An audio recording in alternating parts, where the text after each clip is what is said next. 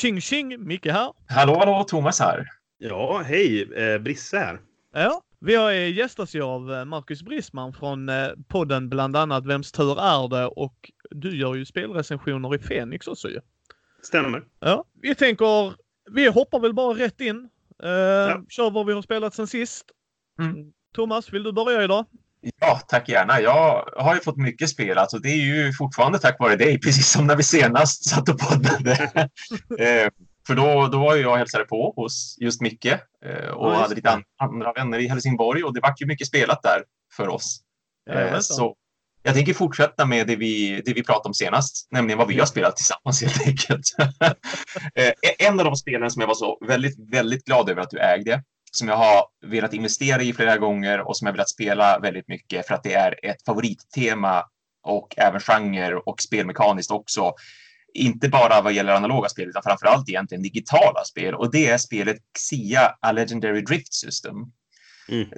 Det, det, är ju ett Kickstarter-spel från 2014 som har rymdtema och det här 4X-upplägget som man kallar det. Alltså på engelska så står ju de fyra Xen för Explore, Expand, Exterminate och Exploit eftersom det är liksom det, är det man gör. Och, och oftast har ju de här spelen ett väldigt fritt upplägg där man kan välja att spela då lite hur som helst. Det vill säga, det är en så kallad öppen sandlåda som ju är ett jättevanligt begrepp just i den digitala spelvärlden i synnerhet, men det har blivit väldigt populärt även på den analoga spelmarknaden så här på de senaste typ två, tre åren i alla fall. Mm. Och eh, här i Xia då så innebär det att upplägget här det är att spelarna utforskar ju en, en modulär spelplan som man successivt bygger upp. Det är en stor rymd som består av en massa kartbitar med hexagoniska rutor på sig. Och varje spelare kontrollerar ett unikt rymdskepp med sitt eget utseende, egna möjligheter för hur man placerar uppgraderingar, lite som ett pussel på, med, med liksom Tetrisbitar. Och man har en egen specialegenskap som hör till det här skeppet som man kan aktivera. Och spelet går ut på att man ska då bli mer berömd än sina motspelare. Och innan spelomgången börjar, då kommer man överens om hur många berömmelsepoäng ska man då försöka uppnå för att spelet sen då omedelbart ska avslutas så fort som den spelaren liksom blir den som uppnår de här poängen. Berömmelsepoäng, det får man av att bland annat leverera produkter mellan olika planeter. Man kan skjuta ner pirater. Man kan hjälpa sina medspelare som har blivit strandade för att de har energibrist. Eh, man kan ha lite tur när man vänder upp markörer som har placerats ut på spelplanen som typ ska representera att man utforskar det okända eller att det är någon slags intressepunkt av okänt slag. Och det här fungerar då som så att... Nej, app, app, app, Thomas. Mm, mm, mm. Du kan köpa en VP också för Precis, ja. också. Ja, men exakt. Ja, och inte bara det. Jag hade aldrig råd med det, jag glömde bort Och inte bara det. Om du slog eh, på den 20-sidiga tärningen en 20. Ja, precis. Det lyckades jag aldrig heller med, så det är det här som jag aldrig lyckades uppnå. Så jag glömde bort. Två gånger. Ja. För det var väl i en och samma runda dessutom. När du höll på och, typ gräva ut någon slags mineraler från något ställe. Yep alltså det var, ja, det var, det var lite galet. Det var inte nog med att du bara lyckades med det ganska svåra uppdraget. Du fick två poäng på det också som lite flax sådär. Ja, ja, det var nice. Men, men nice med den här typen av spel också. Det, det är lite slump och det är lite så här. Oj, nu händer det här. Ibland har man tur, ibland har man otur. Och eh, ja, men spelmekaniskt då, vad, vad, man gör, liksom, det är att man turas om med att genomgå ett antal faser som har olika handlingar till sig. Och en av de handlingarna som man tveklöst utför mest av allt, det är ju att man spenderar energi så att man kan aktivera sitt skepps motorer. Och då får man tärningslag som visar hur många av de här hexagoniska rutorna man kan förflytta sig. Och det här tärningslaget det modifieras då av hur ens rymdskepp ser ut, alltså så här, vilka uppgraderingar har man ombord? Hur bra är din motor? Men man kan också ha då specialegenskaper som, som boostar det här värdet.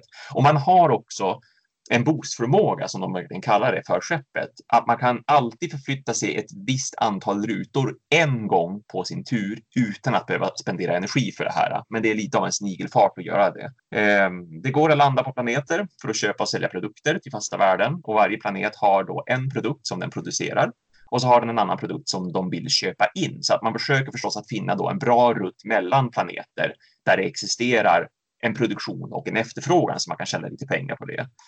Kan man kan hamna väldigt nära varandra då eftersom de, det slumpas liksom? Det, det var som när, när eh, Micke och även Fredde liksom förklarade spelet för mig. Så här, hur länge kommer vi att sitta? Hur, hur eh, bra kommer det gå för oss? Och så där. I och med att spelplanen är helt slumpad, totalt allt, allting.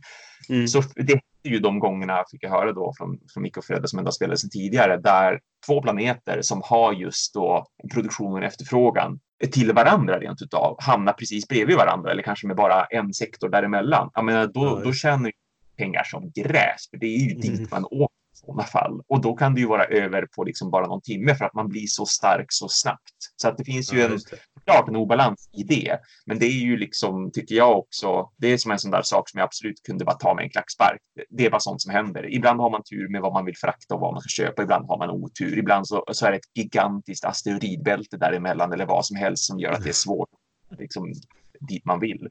Mm. Och det ska tilläggas här, man kan blindjumpa för det kostar ja. en handling liksom för att titta innan man hoppar. Ja, men hoppar du, ja, men du kan hoppa rätt in i en sol. Mm. en stycken sektorer totalt sett, alltså sådana här stora kartbitar. Och en av dem är en sol. Och vill du kan du alltså få kika då på nästa sektor som du är på väg att dra innan du går in i den. Men det kostar dig ju mer liksom mm. din tur. Så att Självklart till en början, då, då gör man just en så kallad blind jump väldigt mycket. Därför att hur stor är sannolikheten att av de här jättemånga sektorerna som är kvar fortfarande, hur stor är sannolikheten att just du drar solen just nu? Och dessutom, mm. Eh, visst, man kan, ju, man kan ju få sitt skepp förstört av det om man måste börja om inom citationstecken, men det är väldigt liten bestraffning på att börja om just tidigt i spelet. Du förlorar mer och mer ju längre in i spelet du kommer, ju mer uppgraderingar du har och ju bättre skepp du har. Men att, att göra en blind och hoppa in i en sol på, säg, runda fyra, det spelar egentligen inte så stor roll. Det är så lite du tappar så att det är värt det även om det råkar vara en sol där. Och, och fördelen mm. med det sen, det är ju att ja, men nu vet alla var solen är så nu kan alla bara spela på. ja, man hjälper ju som både sig själv och de andra där ändå, även om man blindjumpar. Mm. Eh, det går ju även att ta sig an uppdrag som finns på vissa särskilda rutor. Eh, speciellt på planetytorna så vet jag att det alltid fanns någonting och det kan vara allt från så här att du ska transportera någonting någonstans. Du ska åka till en annan plats eh, som en annan spelare står på, alltså samma plats som en annan spelare står på menar jag och interagera med den här spelaren och det kan vara att du ska fientligt agera eller att du ska vänligt interagera.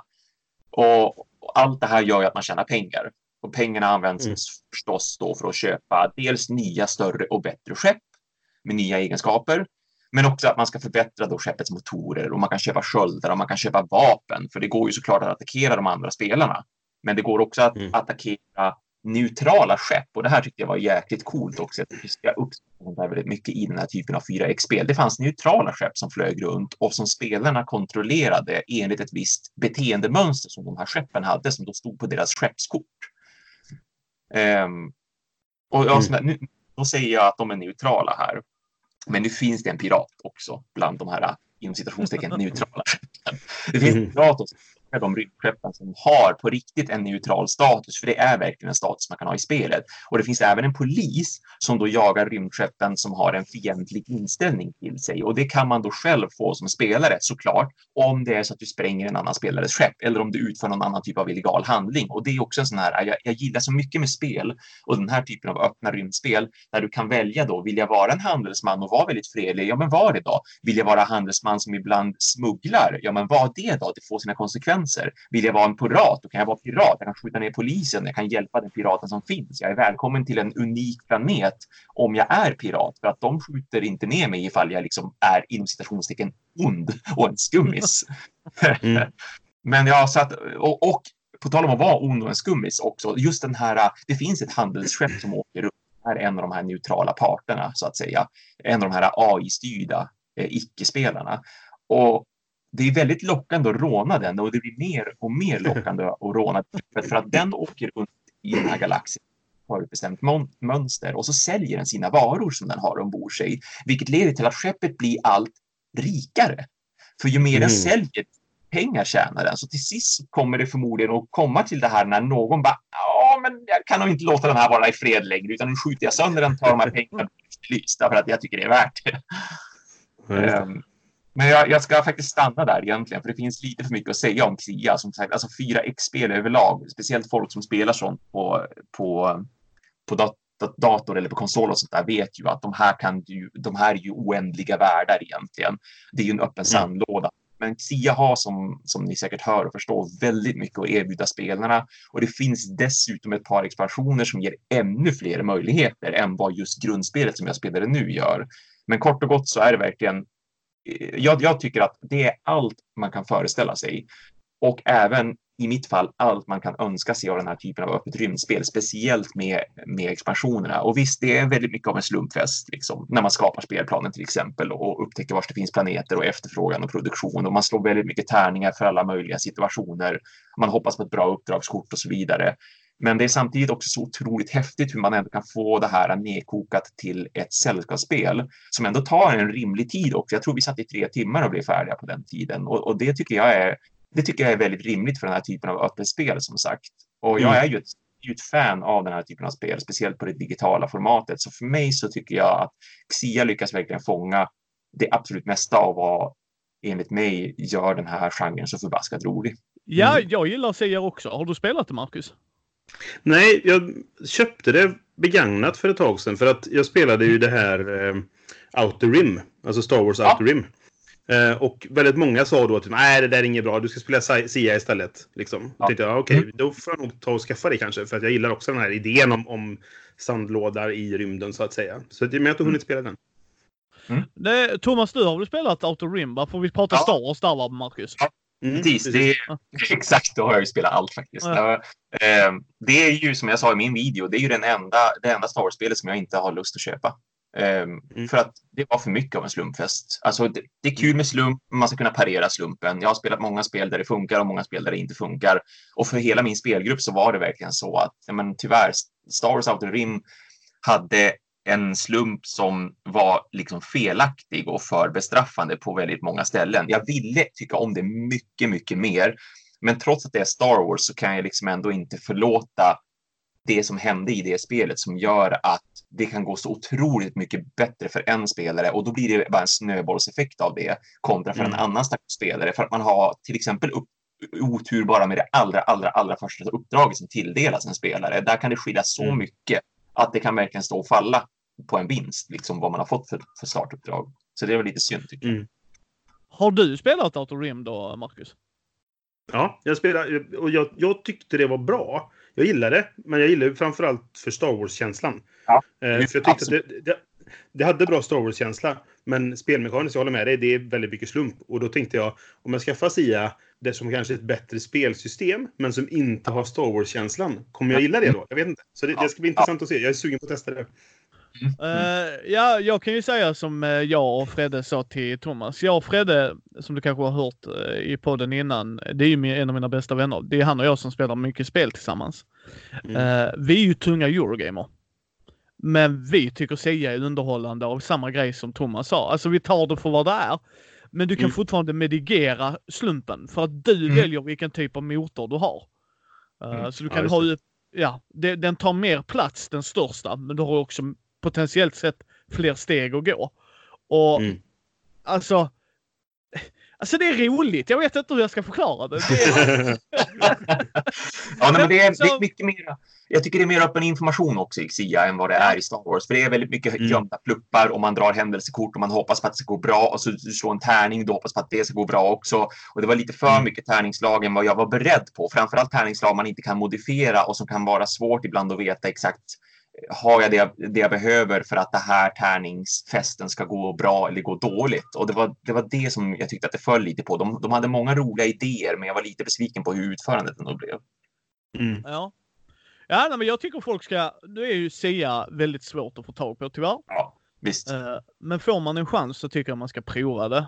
Uh, det tycker jag. För mm. det, Gillar man inte slump så gå inte i närheten av det. Det är bara vad jag kan säga. Alltså, för det är slump, slumpartat. Där är inte så mycket du kan. Du kan fortfarande göra någonting åt det, men du kan också bli riktigt hosad. Ja. Men, men man får ta det för vad det är. Jag och Fredde tar det mm. för vad det är. Mm. Men vad har du spelat eh, Marcus sen sist höll jag på att säga, men det senaste? ja, jag var ju eh, på i Essen på Spiel, eh, den här stora spelmässan. Och hade med mig massa spel därifrån. Och sen var jag faktiskt på Borås Spelkonvent i helgen, bara på lördagen. Eh, och spelade lite. Jag spelade med Josef Sandholm, Niramas, ja. som varit med här tidigare. Och då spelade vi bland annat ett spel som... Det är nog det mest intressanta spelet jag spelat i år. Och det är alltid lite spännande. det heter The Crew. Det finns bara på tyska än så länge. Den, det är från Cosmos. Eh, och det kommer väl komma en... På deras hemsida står det att det, den engelska releasen är 2020. Men det vet man inte när det är. Det kan vara nästa höst liksom. Eller så, ja. så snart. Ingen vet så. Men det är ett, ett litet kortspel. det är ett sticktagarspel. Alltså att man, man spelar om tricks. Eh, och det är ett samarbetssticktagningsspel. Som, eh, det är helt enkelt det är en kortlek på, eh, i fyra färger, 1 9. Och sen har du en trumfärg som är man alla korten varje gång. Så all information finns liksom ute. Det finns inga kort som saknas, om man säger så. Eh, mm. och sen så får alla varsin hand. Alla har en liten markör som är liksom deras. Mm. Okej. Okay. Eh, så en gång per omgång så att säga så kan du lägga ner ett kort på bordet och så lägger markören antingen i överkanten på den och då visar det att det här är mitt högsta kort färgen. Eller så lägger du den i nederkanten och säger att det är kort den här färgen. Eller så lägger du den i mitten och säger kort den här färgen. Och det är det enda sättet du får kommunicera. finns det en liten kortlek till som är samma kort som i den andra fast utan mm. liksom uppdrag från den här leken som är att eh, det första som händer är att en blir mission commander. Det är den som har fyra trumfkortet. Mm. Och den får alltid det Sen får, går det runt bordet beroende på hur många uppdrag det är då. Och då visar han till exempel att ja, men nu fick kommanden eh, grön 4. Och då är, då är målet att kommanden måste vinna det sticket som har den gröna fyran i sig. Mm. Mm. Inte, inte, inte behöver inte vinna nödvändigtvis med, liksom, med det kortet, men du måste vinna det sticket med det kortet i sig. Liksom. Mm. Det, är, det är första uppdraget. Då har man ett sånt. Eh, och sen upp, andra uppdraget, då är det så här, då har du två stycken. Så att, då ska man ta först, en ska få den gröna fyran och en ska ha den gula åttan. Liksom. Mm. Eh, och det är, det är spelet egentligen. Men så är det 50 scenarion i den boken. Åh oh, jösses, okej. Okay.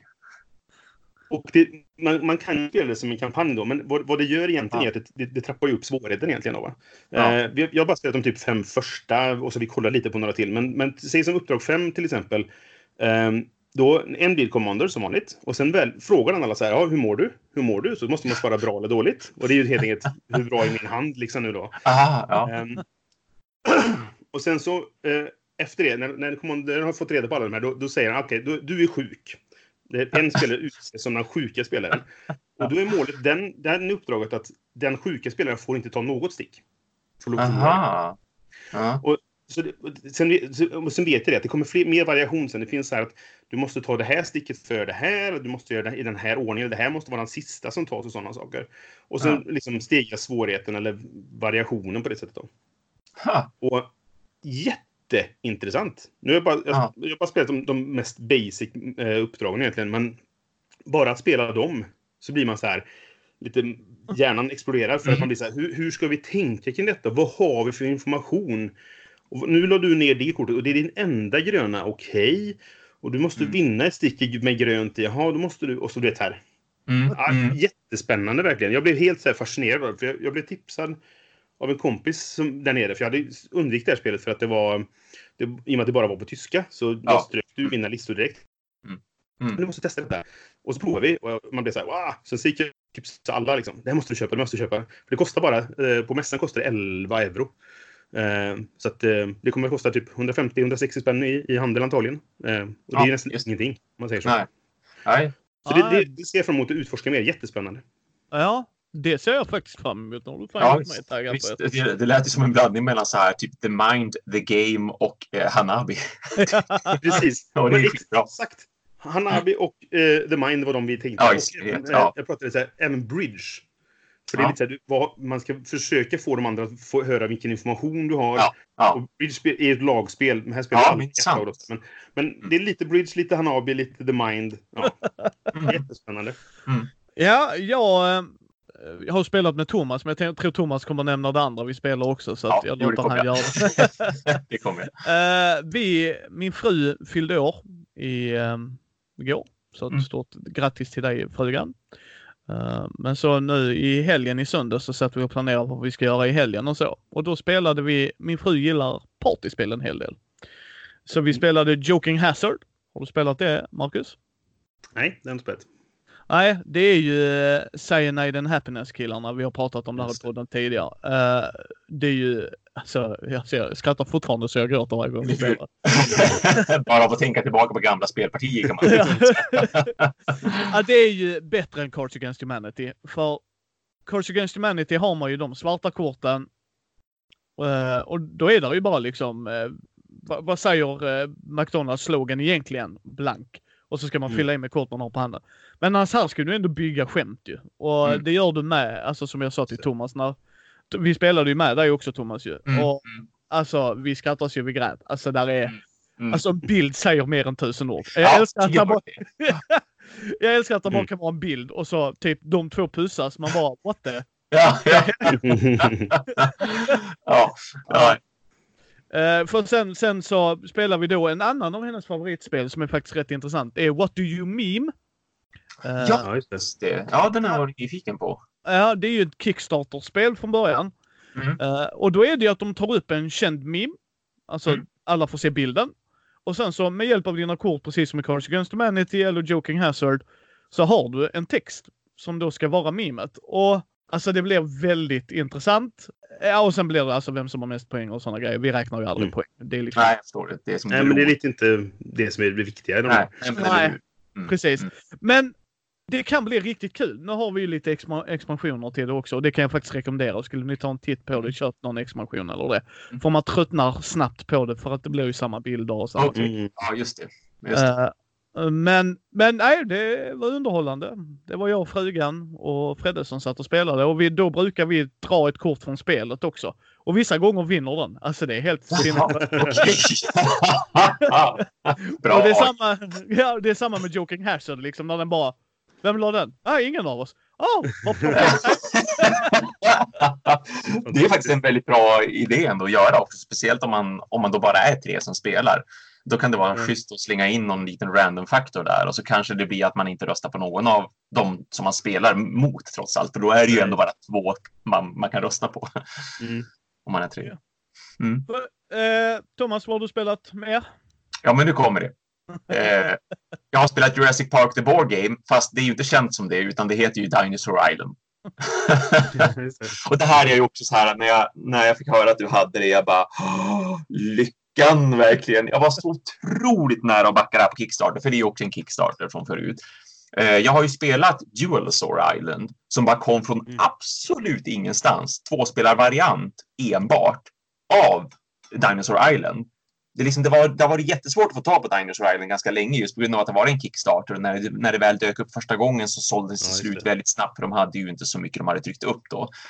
Um, så att nu när, det, nu när det dök upp för, vad kan det vara, ett halvår sedan eller något sånt där, jag har för mig att det var någon gång runt sommar, då dök Dualosaur Island upp först. Och jag bara, what? Vad är det här för någonting? Men hur som helst. Mm. Um, så då kan jag jämföra de två också, vilket, vilket var också en anledning till varför jag väldigt gärna ville spela Dinosaur Island, så att jag verkligen kan ge folk i mitt jobb framför allt då en, en jämförelse mellan de två ifall man då är bara två spelare. Vilket av dem ska man då välja? Ja, men så här funkar de och så här skiljer de sig åt. Som sagt, Jurassic Park the Board Game. Varje spelare försöker driva sin dinosauriepark. Man gör det genom att skapa dinosaurier. Man bygger diverse attraktioner och butiker i parken och man spenderar lagom mycket pengar på säkerhet och försöker få så många besökare som möjligt och få så många besökare som möjligt att det inte blir uppätet. Ah, ah, jag, jag, jag gillar den wordingen. Lagom, lagom mycket.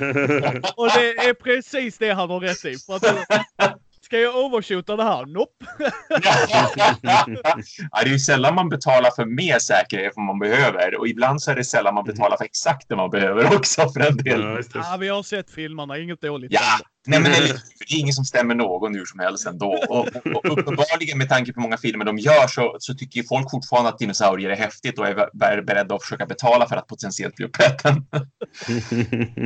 um, Ja, men det funkar ju så att man, man eh, varje spelrunda så ska man först och främst rulla ett gäng tärningar och det de tärningarna i första hand bestämmer, det är vad det finns för typ av DNA tillgänglig. För det är den resursen som man använder för att kunna skapa sina dinosaurier.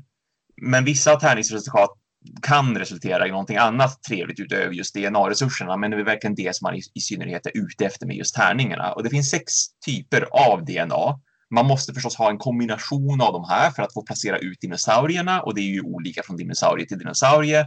Men man måste också bestämma sig i, till, en, till en början liksom i den första spelrundan eller som i den första fasen. Man måste också bestämma sig för vilka dinosaurietyper man vill ha och försöka plocka på sig de brickorna som avbildar typ inhägnader av, avsedda då för en viss typ av dinosaurie. Och de här inhägnaderna de finns i ett begränsat urval, men de förnyas allt eftersom spelarna plockar på sig. Och de här brickorna ska sedan också placeras ut på en spelbräde som representerar parken. Och där finns det såklart ett begränsat utrymme. Mm. Och det utrymmet slåss dessutom med att man vill ha olika typer av typ åkattraktioner och butiker. Så det blir som lite av ett pussel att få plats med allt man vill ha där som man behöver för att parken ska kunna drivas och för att man såklart ska kunna få då poäng och kunna vinna spelet på det viset. Eh, och det här med att anskaffa sig då DNA och även inhägnaderna för dinosaurierna, det fungerar som då ett arbetarplaceringsspel. Alltså du, du har tillika spelpjäser, eller rättare sagt forskare i det här fallet. Man har även arbetare som spelpjäs, men de används i en, i en annan fas. Men man använder de här arbetarna och så kan man som sitta lite för sig själv och pyssla ihop vad man vill göra för någonting.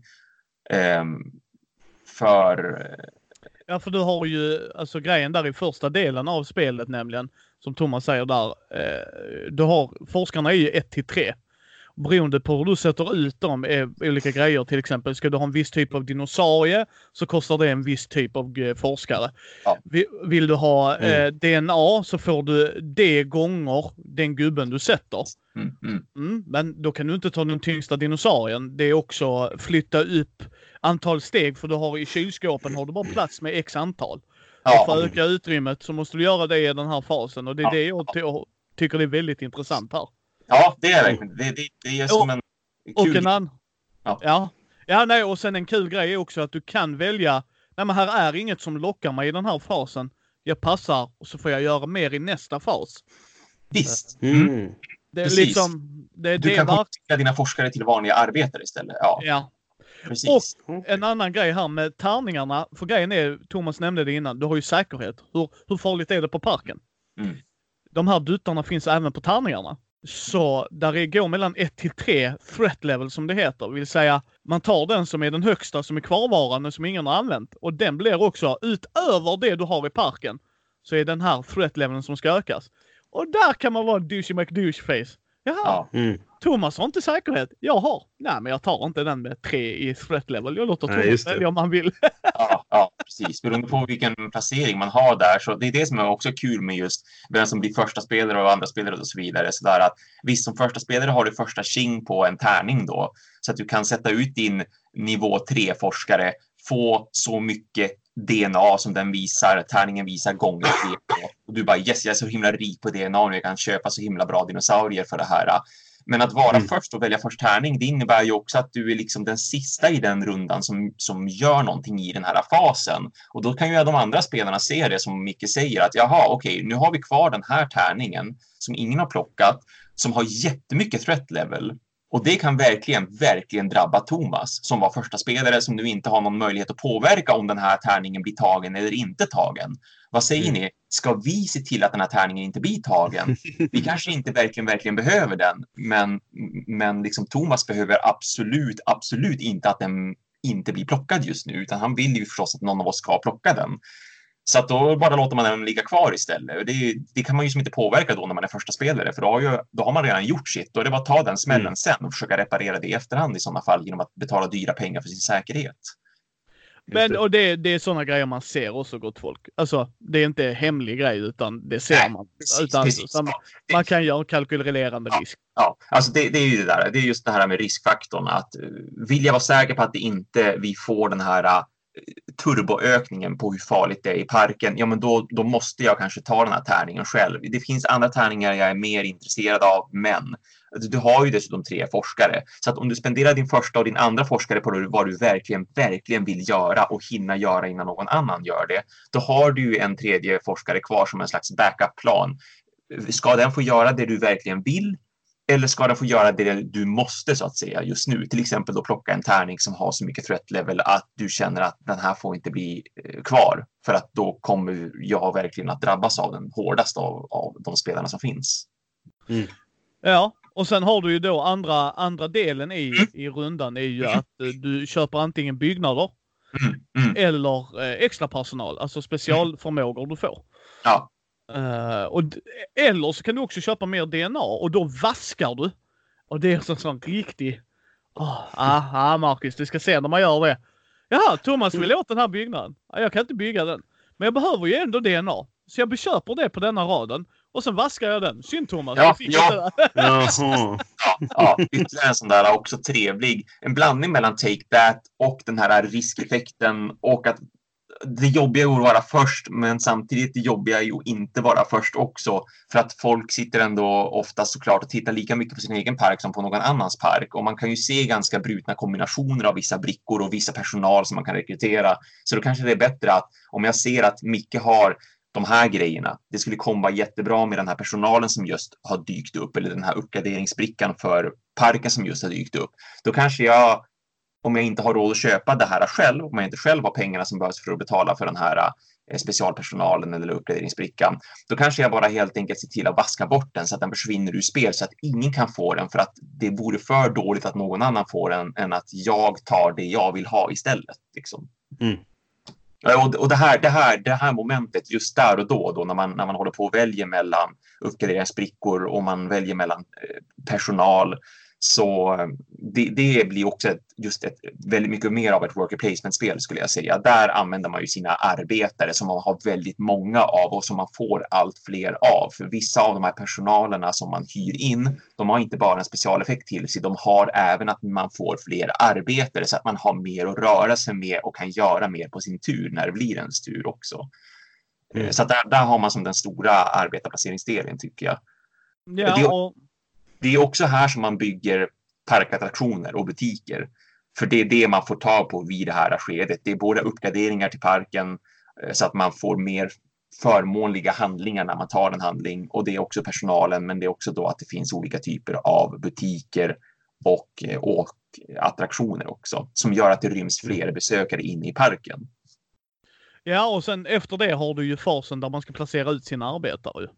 Mm, mm. Eh, och det, det behöver man, det kan man göra simultant. Ja, det är trevligt att kunna göra. Ja, alltså för att jag kan inte påverka dig Marcus, utan ja, du gör det du ska göra. Mm, mm. vi, vi, gör, vi gör ju alltid att man bara får, för det är lätt att man kan missa grejer. Eh, så vi brukar liksom kolla här när jag gör det bara. Men Ja, medan ja, man precis. funderar så placerar man ut och så bara Marcus kolla här nu och så okej, Mm. Ja, du har gjort ja, det du gör. ja. Och det är allt ifrån växla DNA, höja din säkerhet, eh, Mm. göra dinosaurier. För det är den här fasen du gör det. Uppgradera Mm. inhägnade området. För när du köper dinosaurierna, alltså DNA att göra, kan du bara ha en dinosaurie där. Då måste du uppgradera själva Ja, precis. Mm. inhägnandet. Ja, för fler. Ja, och det är Mm. vad man gör i den här fasen. Och sen när man är klar med den fasen kommer man till sista steget. Och det är man ska ha attraktion. Folk ska Ja. ju komma till parken. Ja, och, det här, det här är trevligt verkligen.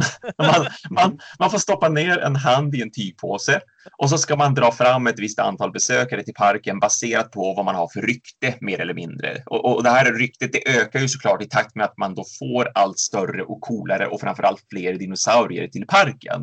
Men det måste ju då hela tiden också vägas upp med att man bättrar på säkerheten så att folk då slipper bli uppätna. Så för varje, varje besökare som man har rätt till, så att säga, som kommer till ens park, då drar man fram de här från sin påse. Som sagt, man, man skickar upp en och samma påse till alla spelare och i tur och ordning så får man dra fram alla de här eh, besökarna. Och de besökarna kommer då att potentiellt, vi kommer snart till det, potentiellt betala för inträde så att man placerar dem antingen inne i parken på det här faktiska spelarbrädet och på det här viset så får man också eh, poängen som gör att man vinner spelet för att succén med ens park den, den mäts ju såklart i, i poäng också. Och som, som jag sa, ju fler attraktioner man har och butiker man har, desto fler besökare kan man ställa ut i sin park. Desto mer pengar kan man tjäna, desto mer poäng kan man också få extra. Men har man då otur när man drar fram besökare från påsen, då plockar man upp huliganer istället. huliganer som har liksom smygit sig in i parken och de betalar inte för någonting. De tar bara upp en massa plats. Så den här fina korvkiosken du köpte eller den här åkbanan som du köpte, istället för att kunna ställa dit en faktisk besökare som betalar för sig och som kan ge poäng till dig, Då ställer du dit en huligan istället. Du är tvungen att ställa ut huliganerna så att de tar upp plats inne i parken först och främst. Och då Mm. går du förstås miste om den här pengarna och de här poängen. Och så sen alla de besökare som inte har plats i parken, de ställer sig på ett kö istället och så får man åtminstone, poäng, eh, man får åtminstone pengar för dem i sådana fall. Eh, det ska tilläggas här. Eh, om man missförstår. För grejen är, när du drar alla gubbar, du får betalt för alla gubbar även om du inte kan placera ut dem, vilket är en intressant mekanik. Mm. Mm. För uppenbarligen är de jättedumma och åker ut på båten och ställer sig i kö för att komma in på din park. Men har du inte plats att lägga ut, ja, sorry, ni fick inte gå där, atsingen. Men en stor grej här innan du säger vad du tycker. Mm. Regelboken är vedervärdig. Mm. Att bara göra setupen uppdelat på helt så här. Och Marcus eh, har spelat mycket spel och jag tror han håller med här. Men du vet när man gör setupen. Så Ja. har de du vet så här vanlig setup. Mm. Okej, så här sätter du brädet. Och sen har man ju då individuell setup. Alltså så här ska varje spelare ha. Ja, just det. Men liksom, ja, så, så tittade, så sa eh, Fredde till mig då, ja hur mycket pengar ska vi ha? Så började jag leta efter det. För jag tänkte det ska väl stå vid spelargrejen, för det är ju spelaren som ska ha. Nej, nej. Det var bara att glömma. Så jag fick hitta det sen i vanliga setupen och där stod det att första spelaren får 15 pengar och sen får andra Mhm. spelaren 16 och sen 17 och sen 18 och så vidare. Man bara, Mm. men, men varför stod det inte vid spel? Ja. Sen har de blandat ihop färgerna på huliganerna och vanliga besökare. Så de säger där, ja så det, har du 10 gula huliganer. Nej, besökarna är gula och det är typ Mm. 70 av dem. Alltså Mm. det var som, Mm. mhm, vad händer här då? Och så Ja. fick vi kolla upp en regelfråga när Thomas var med. Det stod inte i den, det var uppe för tolkning. Ja, Men- precis. Men, de, Mm. ja, men sådär, nu ska Thomas säga vad han tycker. Jag vill bara säga så att Ja, där är, Ja. det är inte felfritt det här spelet. nej, nej, men precis. Det var väldigt trevligt att få spelet lärt av er så att jag satt och kollade i den här regelboken för jag förstod ju det också för, för det, som sagt, det hände ju ändå vid ett och två och tre tillfällen när vi satt och spelade nu och vi skulle kolla upp någonting så var det så här jättesvårt och ologiskt att hitta det vi försökte kolla upp och jag var tvungen att gå in på Board Game Geek på ett ställe och så var det någonting som verkligen var, var upp för tolkning. Det var så här en lång diskussionstråd på Board Game Geek som bara Mm. vi spelar så här och det verkar de flesta göra. Okej, ja, men då, då gör väl vi också det antar jag. Då, för det, finns ingen, det finns inget officiellt uttalande. Nej, Ehm, okej. Men, men jag, jag tok älskar temat. Jag, jag tycker att spelmekaniken också funkar väldigt bra. Jag gillar alla olika momenten i spelen. Jag gillar att det blir liksom två typer av arbetarplacering då och att man även placerar ut brickorna som ett litet pussel i ens park, även om det, det hade verkligen kunnat få spela lite mer roll hur man placerar dem och vara lite mer begränsande hur man placerar dem och sådär. Men fortfarande, det funkar, det funkar ändå tillräckligt bra som det är. Jag gillar att man har de här olika uppgraderingsbrickorna, man har specialpersonalen, att man liksom förbättrar sin park på det viset bakom kulisserna så att säga. Och just det här med att man drar besökarna ur en påse, som för övrigt jag tycker är den största förändringen egentligen jämförelse med Dual Sore Island. För där räknar du inte besökare på det viset. Där drar du inte besökare på det viset. Det finns inga huliganer och du behöver inte ha plats på samma vis, utan din park bara rymmer besökare, punkt. Så det blir som en, den, den största skillnaden däremellan, mellan tvåspelarvarianten och den här, skulle jag säga, är just de, att besökarna kommer fysiskt, så att säga. Och visst, det finns ju en hel del obalanser i spelet, det gör det liksom. Alltså, är man optimerare, då är det väldigt enkelt att se just Fredde, Ja, precis. Är man fel då är det väldigt enkelt att se brutna kombinationer av så här uppgraderingar eller specialpersonal eller räkna på vad som är det absolut mest logiska att göra härnäst bland de alternativen som man har tillgängliga. Och så här vad gäller dinosaurieinhägnader och uppgraderingar och personal och sådär. Men om man bara tar det lite chill om man spelar för temat framför allt och bara har roligt med sin parkuppbyggnad som jag verkligen hade. Och det var så himla kul tycker jag när, liksom, när vi var där i slutet av spelet och Fredde frågar så här bara, typ vad håller du på med egentligen? Jag försöker liksom att bygga en park som är optimerande här för att jag, jag, jag ifrågasätter inte men jag påpekade just det, det här med att han är en optimerare och verkligen satt och räknade så sjukt mycket på vad han skulle göra och vad vi skulle göra egentligen också. Och så när jag liksom tar någonting annat än vad jag borde ta, inom citations borde ta, Mm. att, vad håller du på med ungefär? Och jag bara, jag, jag bygger min egen park så som jag tycker att jag vill ha den, som, som jag Mm. blir glad av. det ska, det ska tilläggas. Thomas sa så här. Fredde frågar, vad håller du på med där borta? Jag bygger en rolig park, vad gör du? Ja, Och Fredde bara, touché. ja. Ja, jag, jag hade förbaskat roligt med Dinosaur Island. Det hade jag verkligen. Det, det lever absolut upp till vad jag hade hoppats på. Som sagt, eh, trots de små bristerna som finns och att man som sagt, man kan behöva traggla lite grann med regelboken. Men jag tycker att det är otroligt charmigt med temat och jag tycker att det är ändå en bra spelmekanik som finns där. Har du provat detta, Marcus? Nej, jag hade det ett tag. Eh, ja. för jag, jag, köpte det på, eh, nere på Spil för några år sedan. Eh, och så stod det i hyllan ganska länge. Och jag, det kan nog ha lite med den där regelboken att göra. För jag läste den och kunde inte riktigt greppa spelet sådär.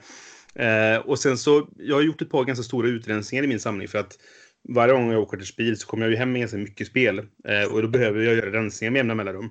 Och då, då var det så här att det var ett spel som ja, men, konstant fick ge vika för andra spel. Ja, men nu ska vi spela ja. någonting inte Ja, men vad ska vi ta då? Ja, och så, då stod, fick det stå kvar i hyllan, men så vi spelade något annat. Mm. Och då tyckte jag till slut så att nej, men jag kanske bara ska göra mig av med det så jag får plats med annat i hyllan istället. Så, ja. så ja, jag, jag, jag, hann aldrig, eller jag just valde att aldrig spela det. Mm. Mm. Jag, jag tror det är sånt spel man ska bli lärd, som Thomas sa. Uh, jag, jag och Fredde har lite problem med det som Thomas säger. För problemet blir att där är lite slump. Du kan påverka det. Tärningarna gäller alla, så det är ju Mm. Uh, input randomness blir det va? Mm. När det är öppet va? Ja, precis. Ja, så den, den finns ju där. Men det är som Thomas säger liksom, ah nu fick jag en bruten kombination. Jaha, mm. ja, jag kan ju inte göra så mycket här då. Nej, jag kan inte hindra dig. Nej.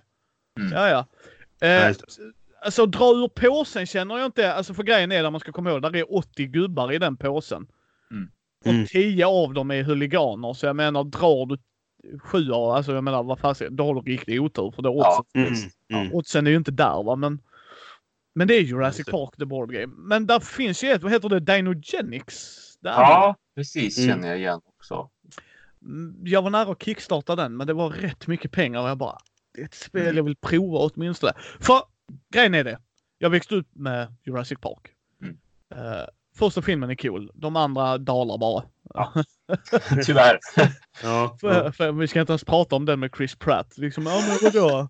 En dinosaurie som bara, hur fan kan ni missa om dinosaurien klättrar? Bara, förlåt, jag rantar igen. Jag ber Men, men temat är ju skitcoolt. Varför inte göra en park? Varför inte bygga? Alltså sådär. Så att det har de ju ändå fångat, det tycker jag. Mm. Men problemet blir bara, jaha, du har en omöjlig kombination för mig att stoppa. Är det viktigt för en, ja då kanske inte mm. det är ett spel för en. Men jag tycker man ska prova det, det är charmigt. Mm. mm. Jag menar, det, bara, det kändes bara som Pandasauri Games. Bara tänkte, hur gör eh, Vlado Cevator regelböcker? Vi gör som honom. Resten av spelvärlden bara NEJ! ja. ja. Eh, vad har du spelat mer då, Marcus? Om du har något mer du vill prata om? Ja, jag kan prata om ett spel som heter Trails of Tucana. Eh, det är också, det är från, um, det är från, vad heter de, Aporta Games, men norska um, företaget med uh, Christian Ombudsen Östby och Elif Svensson i, i spetsen så att säga.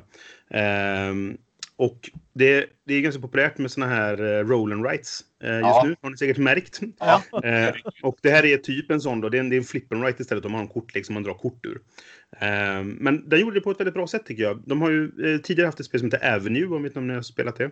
Nej. Nej, men jag känner igen det, men jag har inte spelat. Uh, ja, för där vänder man också upp kort och så ritar man på sin, alla har sin egen karta och så ska man koppla ihop vingårdar med vindruvor, eller vinodlingar då. Ja, I olika färger och så vidare. och här är det ett, en karta som istället är med hexagoner. Eh, och så har du längs kanten på kartan så är det massa byar som är, har en bokstav då, A, B, C, D, E. Eh, det finns, ja, det är, det är tio stycken så du har två A, två B, två C och så vidare. Och spritt på kartan eh, så är det då massa olika eh, typer av terräng. Och på vissa ställen så finns det sevärdheter då. Så det, temat är väldigt så här, löst kan man väl säga då.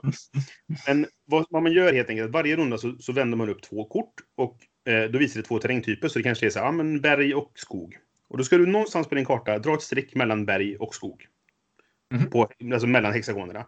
Det är allt du gör. Sen vänder man upp två nya kort och så drar man ett nytt streck och så vänder man upp och så drar man ett nytt streck. Men efter ett tag så det bildas ju liksom ett vägnät av det där. Eh, mm. För att du sätter ihop streck och du börjar bygga och så vidare. Och så får du poäng för att koppla sevärdheter till byarna. Du får poäng för att koppla A, by A till den andra by A till exempel. Då finns ja. det en poäng för det. Så finns det även en bonus för det, eh, den som gör det först då. Och så går man igenom leken två gånger på den lilla kartan. Eh, och, och, det är allt ungefär. Men det är, så, det är så enkelt men genialiskt på något sätt. Eh, det, finns, det finns på baksidan då, så finns det den stora kartan. Då gör man tre omgångar istället. Så finns det tre av varje sån här sevärdhet. Ja. Och det, om du lyckas få alla tre kopplade till en by, då får du en bonus så du får dra ett gratisstreck någonstans. Och det kan bli det här lite grann som man har i Gunshun Clever, de här att man får, om jag Ja, gör detta och, då- och, och då får jag dra ett streck, kan jag då dra det här. Och då får jag en sån till och då kan jag dra ett streck här. Och så får man Mm, just det, ja, kombinationerna. bonusar liksom. Ja. Mm. Mm. Ehm, Så nej, det var väldigt trevligt faktiskt. Mm. Mm. Intressant. Oh. Ja. Ja. Avenue. Nej, förlåt, vad heter det? Trails of Tucana. Ja, det ska vi nog ta en titt på. Ja, vi har inte kört jag. ett flip and right-spel, så det hade jag velat prova också.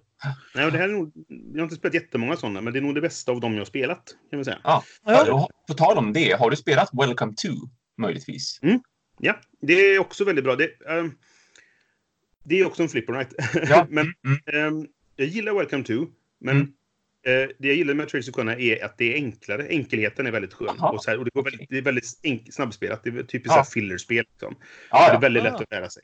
ja men Eh, trevligt. så jag gillar Welcome to, men jag, jag gillar detta just för enkelhetens skull. Mm. Mm. Ja, Mm. men nice. Eh, som du kanske vet då, uh, Marcus, så, så spelar jag ju väldigt mycket rollspel också. Och sist vi spelade med Malmögruppen, för er som följer det, nu är vi äntligen klar, klara med Curse of Strahd. Ja. Nej, men grattis! Se Ja. där vad roligt! Ja, 18 sektioner eller vad det var tog det bara. Så. Var det en episk avslutning? Kom ni åt honom? Ja, alltså spelledaren ville ju få ett avslut den dagen så att Ah. vi kunde utforska nog fyra, fem omgångar till. För hela den Mm. världen är så amazeballs. Mm. Eh, så att vi valde att gå mot Strad och han kände att där, där är inte så mycket som hindrar er att få komma till Strad. Men ja, Strad-striden var ju intressant. Vi hade ju verkligen stackat leken i vår fördel. Mm. Eh, Mm. För att vi hade ju gjort alla sidouppdrag och sådär. Mm. Och ehm, det känns, jag kommer göra en video på, jag ska läsa igenom boken och, eh, själv och sen kommer jag göra en video på det här. Men Ja. ja, ni som har lyssnat på min topp 10, ja, Dungeons and Dragons är ju på min topp 10 för att jag träffat så otroligt mycket bra vänner via alltså, Mm. Dungeons and Dragons. Och det spelas ju för att det är lättspelat och sådär. Det är inte världens bästa fortfarande. Det är fortfarande Call of Cthulhu i min mening.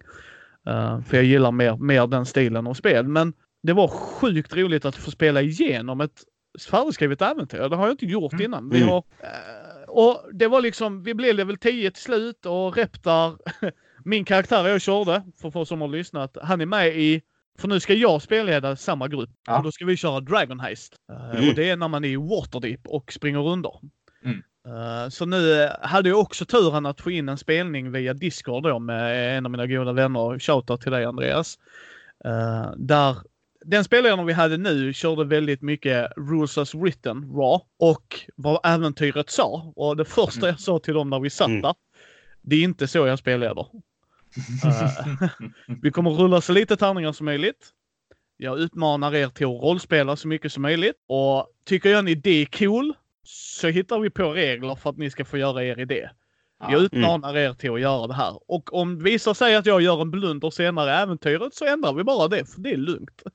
Mm. Mm. Eh, och då hörde jag han Andreas, bra då gör jag en ny karaktär. För att då vill han köra en mer en RP-vänlig karaktär, alltså när han fick rollspela. Ja. Då valde Ja. han att köra en eh, väldigt så här nobleman som inte har, alltså han är väldigt naiv. Otroligt naiv. Och, så han är äldst i familjen men han får inte ärva någonting av det. Utan det är hans Jaha. syster som får göra det istället. Och Andreas körde den to the teeth. Så vi körde en, en och en halv timme satt vi på söndagskvällen då. Och så spelade vi igenom ett lite så här bara för han ska hitta karaktären och det. Det är vad jag försöker göra. Mm. Och han... Eh, han körde...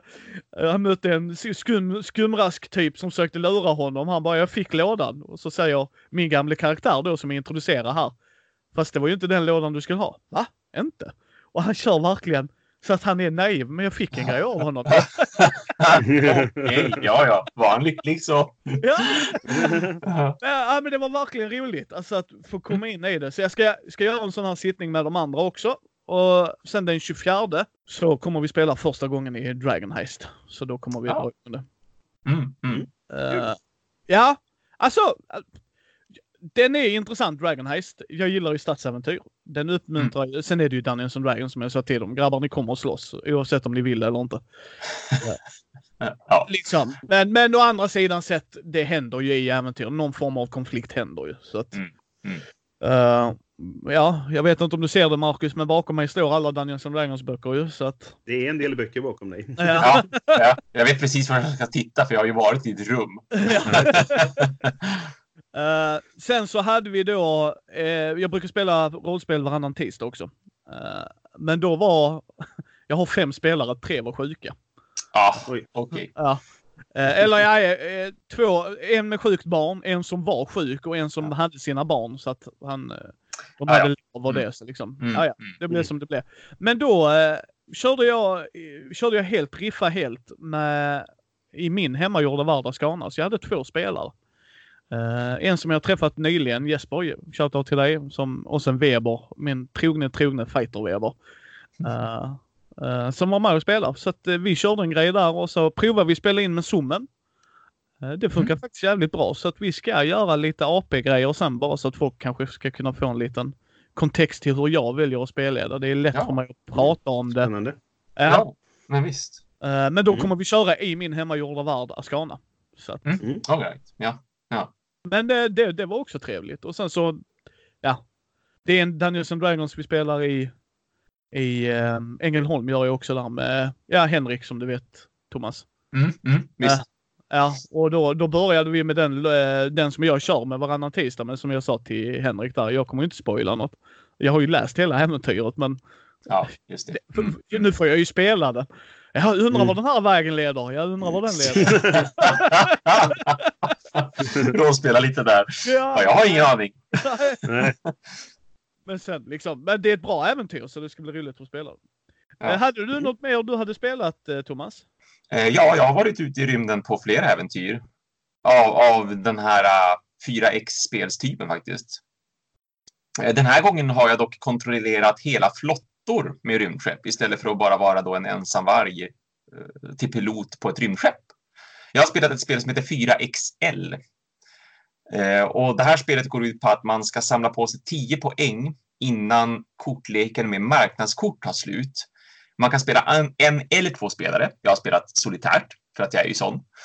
Och man får poäng från att bland annat utföra uppdrag.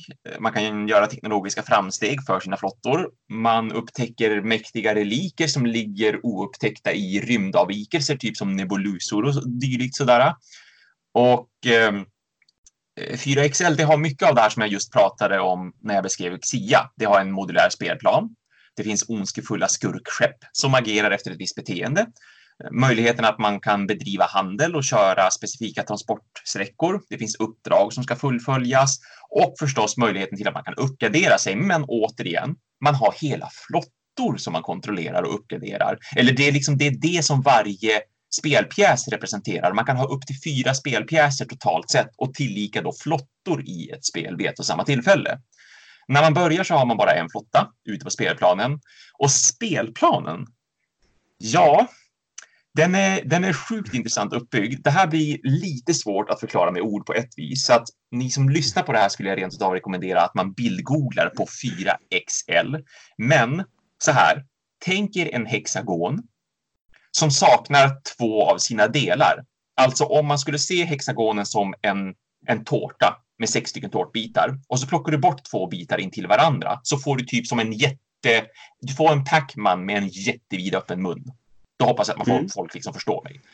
Så ser alla sektorbitarna ut i det här spelet. Så det ser nästan ut som att det är lite trasigt liksom när man ska bygga ihop spelplanen. För det är sex stycken sådana Pacman öppen mun sektorbitar som man då bygger ihop enligt särskilda regler. Sen mm. har varje sån här sektor en eller flera planeter i vardera av sitt hörn och även i mitten av den här sektorn. Och planeterna informerar om hur stor är produktionen av resurser som finns där. Planeterna kommer i fyra olika färger. Varje färg är en resurstyp. Så ju fler gröna planeter, desto mer karbon produceras där. Ju fler gula planeter, desto mer metall produceras och så vidare. Och det här spelar då roll när man köper och säljer för att du får fler resurser för en billigare peng om det produceras mycket av en resurstyp och vice versa då när man säljer en resurstyp. Den här första flottan som man börjar med, man placerar den i en valfri sektor och så sen slumpar man startpositionen för en så kallad Rogue och det motsvarar då såklart någon slags typ pirater eller skurkar av något slag som har sina egna flottor. Eh, spelrundan ser ut som så att man man som spelare börjar med att få agera med alla de flottorna man har. Man börjar med en, som sagt, man kan ha upp till fyra. Och därefter agera alla utplacerade rogues enligt ett specifikt beteende som man inte vet förrän mot slutet av spelrundan. Det enda man vet däremot, det man har koll på, det är vilken sektor av de här sex olika kommer roguesen att bli aktiverade i så att man kan ändå agera med det här i åtanke och man blir liksom inte helt tagen på sängen av att oj, nu dök det upp rogues i sektor 6. Nej, du vet om de kommer att göra någonting i sektor 6, dyka upp eller anfalla, förflytta sig. Så det har man åtminstone koll på. Eh, handlingarna, de inkluderar bland annat förstås då förflyttning. Man kan handla med resurser, man kan uppgradera sin teknologi och, och, man kan dra marknadskort för att förbättra sina flottor och även kunna placera ut nya flottor. Som sagt, väldigt många ändå bekanta handlingar här, liksom från Xia och överlag egentligen den här typen av 4X-spel. Så jag tror att ni får en, en bra idé om vad man kan göra bara genom att höra namnet förflyttning eller handla resurser eller uppgradera sin teknologi. Vad som mm. i alla fall gör det här spelet så intressant, det är att utöver med att man då jonglerar med de här flera flottorna åt gången och inte bara har ett skepp och en spelpjäs, det är designen på de här spelkorten som man har. För oavsett om det gäller rymdavvikelser eller om det är marknadskort eller om det är hur rogue-skeppen agerar så har varje enskilt kort flera olika betydelser till sig. Ta dina pengar till exempel. De kallas för lux i det här spelet. Ett luxkort som du har på din hand, det är en peng. Du kan slänga ett luxkort för att betala för en uppgradering eller för att motta ett visst antal resurser beroende på hur produktionen ser ut i sektorn. Men du kan även placera det här luxkortet under en av de korten som representerar en aktiv flotta så att man bara ser den nedre delen av det här luxkortet. Då visar den ett transportuppdrag som säger typ sektor 1-5. Du ska flyga från sektor 1 till sektor 5 och alla sektorbitar är då numrerade också. Mm. Eller ta uppdragskorten som ett annat exempel. Den ena halvan säger det här uppdraget, till exempel förstör ett visst antal rogues i en sektor lyckas med uppdraget och du vänder med kortet och placerar det delvis under en av dina aktiva flottor, men så att den övre delen av kortet sticker upp. Nu beskriver den en uppgradering för din flotta istället. De kanske har fått starkare energikärnor så att det är lättare att förflytta flottan. Eller så är det någon slags offensiv uppgradering för den delen. Och på tal om uppgraderingar av flottan också, så här ser även de korten ut då. Man drar kort från marknadshögen ni vet den som jag sa avslutar spelet för övrigt om korten tar slut. Det finns 50 totalt kort eh, till en början. Varje marknadskort kan användas på tre vis. Den översta delen av kortet, det är just en uppgradering. Du köper den, du placerar den under, aktiv kort, eh, under en aktiv flotta så att kortets övre del sticker upp. Då ser du vad du har för uppgradering till den flottan. Den mittersta delen av marknadskortet, det är en händelse. De avhandlas i slutet av varje spelrunda. Kanske får man till exempel plötsligt erhålla resurser gratis för att en av flottorna som man har upptäckte ett skeppsvrak i rymden. Eller så kanske någon av resurstyperna betalar sig extra bra just nästa spelrunda. Så det kan vara något som är pågående eller något som bara händer där och då. Det kan vara något som påverkar dig eller något som påverkar piraterna. Och sen den undre delen av marknadskortet, den används för att informera om hur rogue-skeppen ska agera. Och det sker också i slutet av varje spelrunda. Rogue-skeppen kan antingen dyka upp i en sektor förflytta sig närmare en av spelarnas flottor eller så engagerar de en flotta i strid. Återigen, precis som Xia, så det finns, det finns ju sjukt mycket att berätta om när det gäller de här typerna av spel. Alltså det, det är så mycket som händer, så mycket man kan göra och man ska förklara alltihopa. Så att jag måste som ändå försöka lägga någon slags band på mig och avsluta som den generella beskrivningen av spelet, för det är för stort. Den här typen av spel tenderar ju vara, eh, vara ju stora. Men jag är enormt imponerad av den här designen, Charles Ward det här spelet är ett print and play-spel. Och det kommer från den här print and play-tävlingen som jag nämnde när vi spelade in senast, har jag för mig att det faktiskt var. Den här eh, att, uh, Solitary Card någonting. Eh, jag ska kolla upp namnet alldeles strax att jag har det, för jag har det uppskrivet för nyheterna. Men det är en sån här Solitary Card print and play som är, som är pågående. Och det här var ett av de spelen som jag var mest intresserad av. Eh, och det är speciellt just de här hur korten används. Det är så otroligt smart med den här varje kort kan användas på olika sätt beroende på var man befinner sig i spelet, vilken fas du är i eller vilken handling du gör, hur du, hur du får kortet, vad du använder kortet till. Och variationen på vad man då faktiskt kunde göra. Jag hade inte förväntat mig att det skulle vara så stort som ett 4X-spel ändå och ha så pass relativt få komponenter som det är och vara just ett print and play-spel liksom som är, som är inskickat för en tävling. Så jag kommer mm. absolut mm. faktiskt att trycka upp det här i en fysisk utgåva. För nu har jag suttit och spelat det via Tabletop Simulator. Och det gjorde jag mm. för att det är väldigt mycket kort att skriva ut. Och det är ju liksom spelplanen ska pysslas ihop och allt möjligt sånt här. Så att det krävs ganska mycket tid för att man ska få ett komplett spel.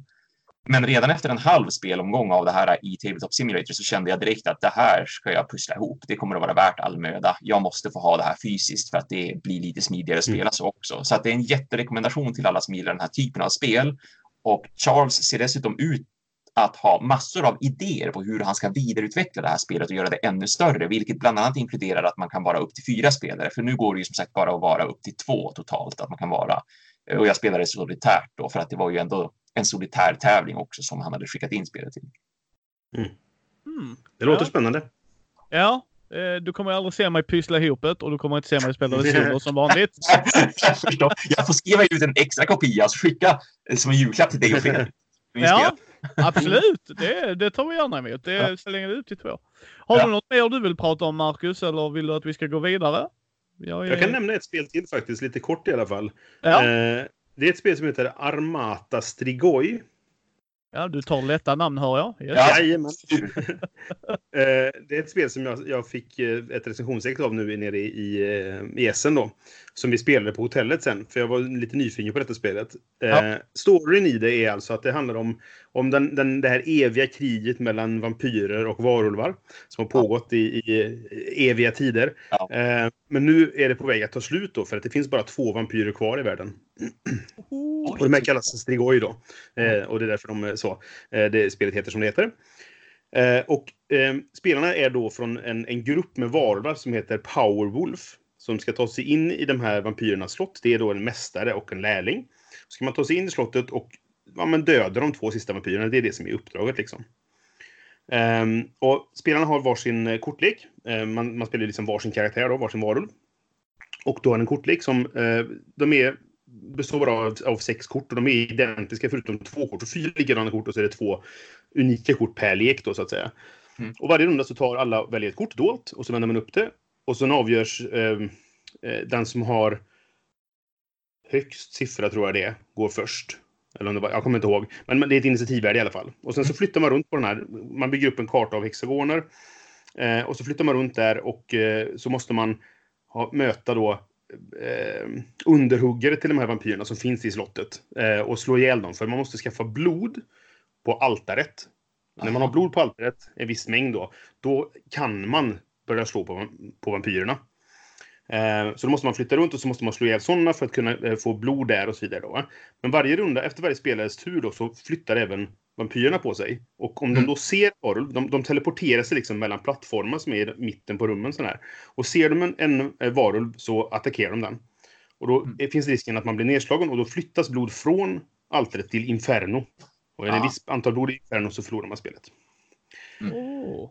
Mm. Och det roligaste i hela den här grejen nu då, det är att Powerwolf, det är ett tyskt power metal-band. ah, vänta nu, nu kommer en twist. Och, och Armata Strigoi, det är en av deras låtar. oh. det, det, här spanska företaget som heter Skri Scribabs, jag vet inte exakt, jag har hört talas om det tidigare faktiskt. De har alltså gjort ett samarbete med det här power metal-bandet. Eh, och gjort ett spel om deras låt, typ då. Wow. Eh, alla korten du har i spelet, alla, varje spelas egen lek, det är ju bilder på medlemmarna i bandet när de står och ser fräcka ut med ackordmålning och grejer. Ja, ja, ja, som man gör. Och, och alla korten har namn som är liksom rader från låtar eller låttitlar och sådana saker. Liksom. Eh, och alltså, det är, det är, inte, det är ett okej spel, spel alltså mekan, mekaniskt sett. Det är ett okej spel. Det är, det är väldigt ehm, eh, uh, Ameritrashigt liksom sådär. Man, man springer runt och slåss och så då. Men den här man, man känner, det lyser igenom den här kärleken som har funnits ändå av, av designerna till bandet och att de har varit med på detta. De, de, de har inte varit med och designat men liksom, de har ändå varit med och ställt upp på bilder och sådana saker. Då, mm. Och det är så kul att spela, för de, de, alltså, i och med att det är power metal, och vet, man vet lite grann hur de texterna är så här. Korten heter ju bara så här knasiga grejer liksom om, ja, att, eh, och kött och yxor och jag vet inte, blod och död och så här. Och vi hade skitroligt när vi spelade på hotell. Vi satt och skrattade och bara så här. För att det, man, det är bara en sån skön känsla i spelet liksom. Eh, sen är det svårt att rekommendera. liksom, men, men, vi hade skitkul när vi spelade. Och de har ändå lyckats på något sätt. För jag var ju tvungen att kolla vad är det här för musik liksom. Så jag satt och lyssnade på den lite grann på jobbet så här, för, veckan före jag åkte till Essen. Eh, och så här, ja, ett par av låtarna har jag hittat in i min vanliga spellista. Liksom, så, här, så de har ju lyckats på något sätt med, med sin kampanj att få folk att lyssna på Powerwolf. Så att, eh, ja. Det är en kul grej. Ja, jag sitter och lyssnar på just Armata Strigoi just nu också. Det här, alltså jag skulle ju älska att lyssna på den här låten och spela spelet du beskriver, känner jag. Tyvärr hade vi inte musiken när vi spelade nere i, i Tyskland då, men så här, jag känner rätt. Vi kommer att spela här igen, för vi förlorade, för det är ett samarbetsspel, och vi förlorade, mm. så vi måste spela det igen. Och då kommer jag vilja ha det. Man kör liksom deras musik, man kör Amata Strigoi på repeat tills man tröttnar på den, då kan man ta en annan. Ja, liksom. Eller hur? Och, och bara ja. gå all in i känslan liksom sådär. Um, så att det är en jättekul grej liksom att, att spela det spelet. Men är det ett bra spel? Vem vet? Ja. ja. Uh, hade du något mer Thomas? För jag är lite uttömd. Uh, ska vi gå, gå på SN-grejerna? Ja. men jag, jag, kan i sådana fall också nämna just ett väldigt litet och enkelt spel som jag har spelat. Um, som jag spelade typ två partier på tio minuter. Så litet och enkelt var det. Um, som hette, nu ska vi se här, var sa jag det? Där, ja, Solitaire Spellbook Swappings heter oh. det. Det är något solitärspel för helvete. Ja, solitaire spel, till och med i namnet liksom, spellbook swapping. Solitaire Det här är också en del av den här tävlingen, så det är därför jag sa att jag skulle återkomma till det här med spela några spel och sådär. Så att, här kommer det. Eh, men ni, ni, vet den här typen av pusselspel som har funnits ända sedan när man var typ ett litet barn, där man har en sån här, du har en stor rektangulär plastram med små fyrkantiga plastbrickor i sig och så ska man styra runt brickorna i ramen. Och de måste hamna i... Ja, ja. Så att mm. antingen brukar det vara att man ska, man ska bilda ett mönster eller att det rent av är en bild eller så är de helt enkelt numrerade de här brickorna och så ska man då ja, steg för steg. Detta är Solitaire Spellbook Swappings. Men med en twist som gör ompositioneringen av brickorna mycket mer intressant tycker jag än just det här om jag drar den här uppåt så kan jag flytta den till vänster och den här kan jag gå neråt och så vidare. Så här. Mm. Spelets komponenter är nio spelkort. De är numrerade 1 till 9. Varje kort har en unik effekt utskriven på sig som på något vis manipulerar exakt två kort. Till exempel byt plats på två kort med jämna siffror eller byt plats på två kort som rör vid varandra. Och när spelet börjar då blandar man de här korten. Man lägger dem i tre rader med tre kort per rad så att det blir liksom ett pyttelitet så här tre gånger tre rutnät. Och målet är att ordna då alla de här korten i stigande nummerordning med start högst upp till vänster där man ska ha ettan och hela vägen ner till det högra hörnet där nian ska vara. Varje kort har en unik effekt. Man aktiverar den unika effekten en gång per spelomgång. Med undantag för kortet som har hamnat längst ner i det högra hörnet när man gjorde den här slumpen, att man, man liksom gjorde det här rutnätet så att säga. Um, man vrider det kortet 90 grader för att markera att det här är använt, det får inte användas under just den här spelrundan. Och det är liksom hela spelet. Antingen så lyckas man då eller så misslyckas man efter ett visst antal drag. Som mest gör man ju åtta drag totalt, för du har ju åtta kort som går att manipulera av de här nio. Så eh, det finns någonting intressant tycker jag ändå till, till det hela och liksom klurigt i hur man då måste tänka för att vinna spelomgången. I vilken ordning ska jag använda de här effekterna för att kunna positionera alla rätt i slutändan? Till exempel så, så kan man eh, man kan få byta plats på två kort som ligger specifikt i hörnen av den här 3x3 rutnätet. Eller du kan byta plats på mittenkortet till exempel. Det kan byta plats med vilket annat kort som helst. Men nu spelar det här bara två gånger totalt och det var för att jag blev väldigt snabbt orolig över effekterna på korten, att de är potentiellt lite för starka och bra, för jag vann båda omgångarna. Och redan efter den mm. första omgången så kände jag lite så här att, ha, är verkligen effekterna så pass varierande att man alltid verkligen kan komma fram till vad man ska göra för att lösa pusslet varje gång. Det kände jag liksom mm. redan efter den första omgången. Och sen gjorde jag ju en ny omgång och så vann jag den också. Och visst, jag, jag, nog satt jag och klurade lite, lite grann när jag spelade, men jag kände mig ändå inte särskilt orolig över kommer jag vinna eller kommer jag inte att vinna. Så att som sagt, det, det, jag tyckte det var en kul idé. Det var en rolig twist till ett mm. gammalt och enkelt pusselspel. Men mitt första intryck är ändå att effekterna är lite för bra för att det ska vara varierande och svårt att vinna. Så att kul idé, mm. men jag tror att det kan, till, det kan behöva putsas till lite grann med just effekterna för att det ska bli lite mera klurigt och lite mindre, ja men oavsett om jag gör så här eller så här eller så här så förmodligen vinner jag spelet. Mm. Ja. Ja, du kommer ju inte se mig spela det någonsin. Så att... Men jag tycker det är bra att du testar. Det är jätteroligt för er som tycker att det är kul. Och så, så hatten av det lät lite intressant ändå, tyckte jag. Ja. Så, så är det intressant. Och jag, jag kan tycka om just sådana här solitärpusselspel. Det finns ju flera sådana tillverkare som Smart Games till exempel som gör bland annat Rush Hour som ganska många ändå känner igen, känner igen när man ska försöka få ut en bil från en typ trafik, eh, vad heter det, tra traffic stocking, liksom att det har fastnat massa Mm, bilar. Så att eh, det, de, sådana kan vara kul, men eh, och utmanande också. Men, men ja, det kändes som att det var för lätt faktiskt. Eh, Antingen så var jag väldigt Mm. smart, men jag tror inte att det var att det var väldigt smart. Jag tror att det var att effekterna var bra. Mm. Ja, hör ni det? Han humblebraggar gott folk. Ja, ja. Nej, men jag förstår det Thomas. Blir du inte utmanad så Nej, nej men precis. om det är det Mm. som är spelet då. Men jag tänkte innan vi går in på nyheter och det så eh, ska vi grilla eh, Brisman lite. För du har ju varit på Mm. den lille, bara jättelille, helt obetydelselös liksom fylle. Nej just det, det är tvärtom. Spiel i Essen. Eh, Megamässan, mässan alla Ja. mässan alla vill till. ja, vad var det? 1200 nya brädspel? Alltså herregud. Ja, eh, listan som var på den nya var väl på 1200 eh, poster så att säga. Men sen så är en del av det expansioner och en del av det är dubbelposter för att så här.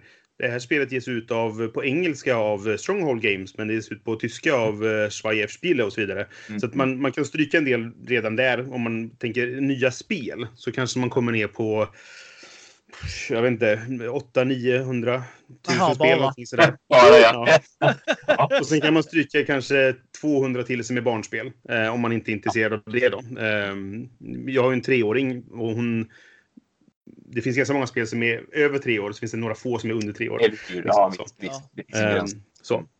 Men så att, så att eh, rena nya spel kanske låg runt jag bara 800, något sånt där Ja. kanske. Men det är fortfarande jättemycket spel. Mm. Eh, och jättemycket utställare. Jag ska se om jag har en siffra på det. Mm. Eh, brr, brr, brr. Jo. Antalet utställare var 1200 i år. Eh, Ja, så, ja. så 12, 1200 olika utställare. I, och det är ju en... Eh, de höll till i sex hallar eh, i år. Och sen även hade de två hallar som var typ tomma. Som man kunde ha, så här, där man hade insläpp och möten och sådana saker. Det man ville ha. Då. Ja. Eh, Så det är sex stycken stora hallar liksom. Eh, fulla med... Alltså båsstorleken är ju allt ifrån de här som är liksom som eh, ja, men, en större badrum till, till de, som- de som är så stor som en, ett, eh, ja, men en villa. Liksom. För att Ja. det, det är, Mm. de stora företagen har gi- gigantiska montrar. Liksom. Eh, och så där, var vi, antalet besökare Eh, siffran som har kommit från mässan nu då var på 209 000 besökare. Vilket är en ökning från 190 000 förra året. Ja. Men det, det är också en siffra man ska ta med en nypa salt. För att de räknar eh, alltså, eh, kropp genom dörr, om man säger så. Ja. Turnstile numbers pratar man om. Ja. Eh, och det är alltså, om jag går in fyra dagar så räknas jag fyra gånger. Eh, Ah. Right. men sen är inte alla som är där fyra dagar. Så man, det, det är fortfarande en någon sorts indikation på så här. Men, men jag var ju inne eh, torsdag, fredag, lördag. Jag var inte där alls på söndag till exempel. Så jag räknas tre gånger. Av de 209 000 så, jag- så är jag tre av dem. Om man säger Ja. så. Eh, men sen är det jättemånga som bara är där en dag också. Mm, Eh, ja. alltså, eh, tyska barnfamiljer och sånt där, då är de bara där en dag. Liksom. Så de är ju en, en Mm. unik besökare då. Men då kanske de är tre stycken. men mamma, pappa, precis. barn. ja, visst, Så. visst. Så, så att man, man, får, man får tänka liksom att eh, det, det var inte 209 000 personer inne på mässan liksom. Eh, egentligen då. Men det är fortfarande gigantisk siffra liksom. Ja. Ehm, och som vanligt så eh, det, är- det är ju fyra dagar, torsdag till söndag. Ehm, torsdagen är den lugnaste dagen. Sen trappar det liksom sakta och säkert upp och det blir mer och mer folk i hallarna och sådana saker då för att ja, men, för de första dagarna så är det mest ditresta personer. Vilket är jättemycket folk också. Det kommer ju folk från hela världen dit liksom. Ehm, men sen så blir liksom mot fredag kväll och, och på lördagen så kommer ju alla som sagt tyska barnfamiljer dit också. För att i Tyskland så är ju brädspel liksom en familjesysselsättning. Det är någonting de gör på kvällarna istället för att Mm. spela, eller för att de spelar spel istället för att kolla på Idol eller liknande då. Ja. Mm. som kanske svenska barn, barnfamiljer gör så här. Mm. Eh, så spelar de spel. Ehm, och då är de på mässan. Även, och det finns jättemycket utrymmen där barn kan leka och spela och testa och grejer också. Då. Mm. Så det är jättekul. på det sättet. Men det blir mycket folk i, i gångarna om man säger så. Mm. Ehm, och sen, de har ju, eh, på onsdagen så är det en sån här pressdag som jag var, på. För jag, jag åker ju dit ner för, Fenix då så att säga. Eh, och då har de en pressvisning och det är jättekul att gå och kolla på den också. För då får man chansen att kolla på ehm, ja, men spel ligger uppställda och det kan stå folk där och berätta om spelen och sådana saker. Så där kunde man liksom hitta saker som jag hade missat i min, mitt förarbete liksom då, när de hade skrivit upp så här. Det här vill jag skaffa om man säger så. Mm. Ehm, vad, vad vill ni veta liksom? Vad kan jag berätta? Eh, hur, först och främst, hur många gånger har du varit där?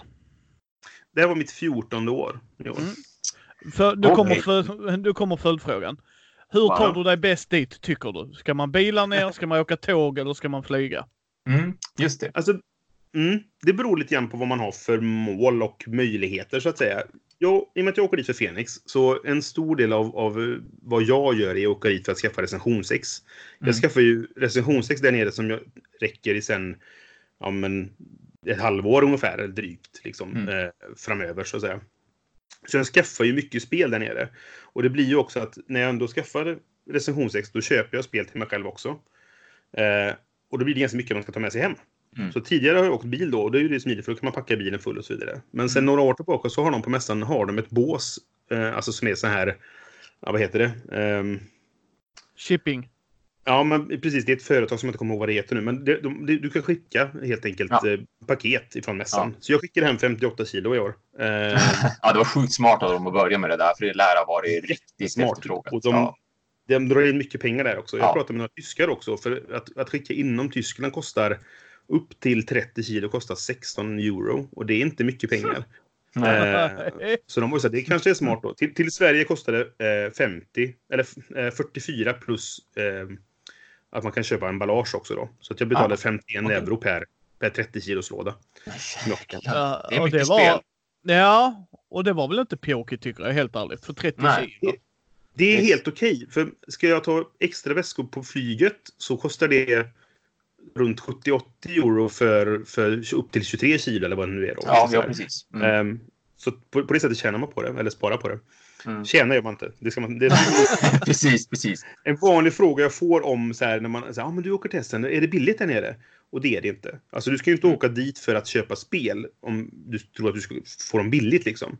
Mm. Eh, för att vissa spel är lite, lite billigare. Alltså framförallt är det så här att många gånger kan du köpa spelet direkt från utgivaren. Och då kan Ja, de hålla sig strax under butikspris. Mm. Och ändå tjänar de ganska stor del av kakan då. För att annars Mm. så är det liksom... Kedjan är ju så här. Ja, vi tillverkar spelet. Det, kost- då betalar vi till, till ehm, fabriken. Säg att det kostar 10 euro. Ja. Sen säljer vi detta till distributören för kanske 20 euro. Och sen säljer distributören det till butiken för 40 euro.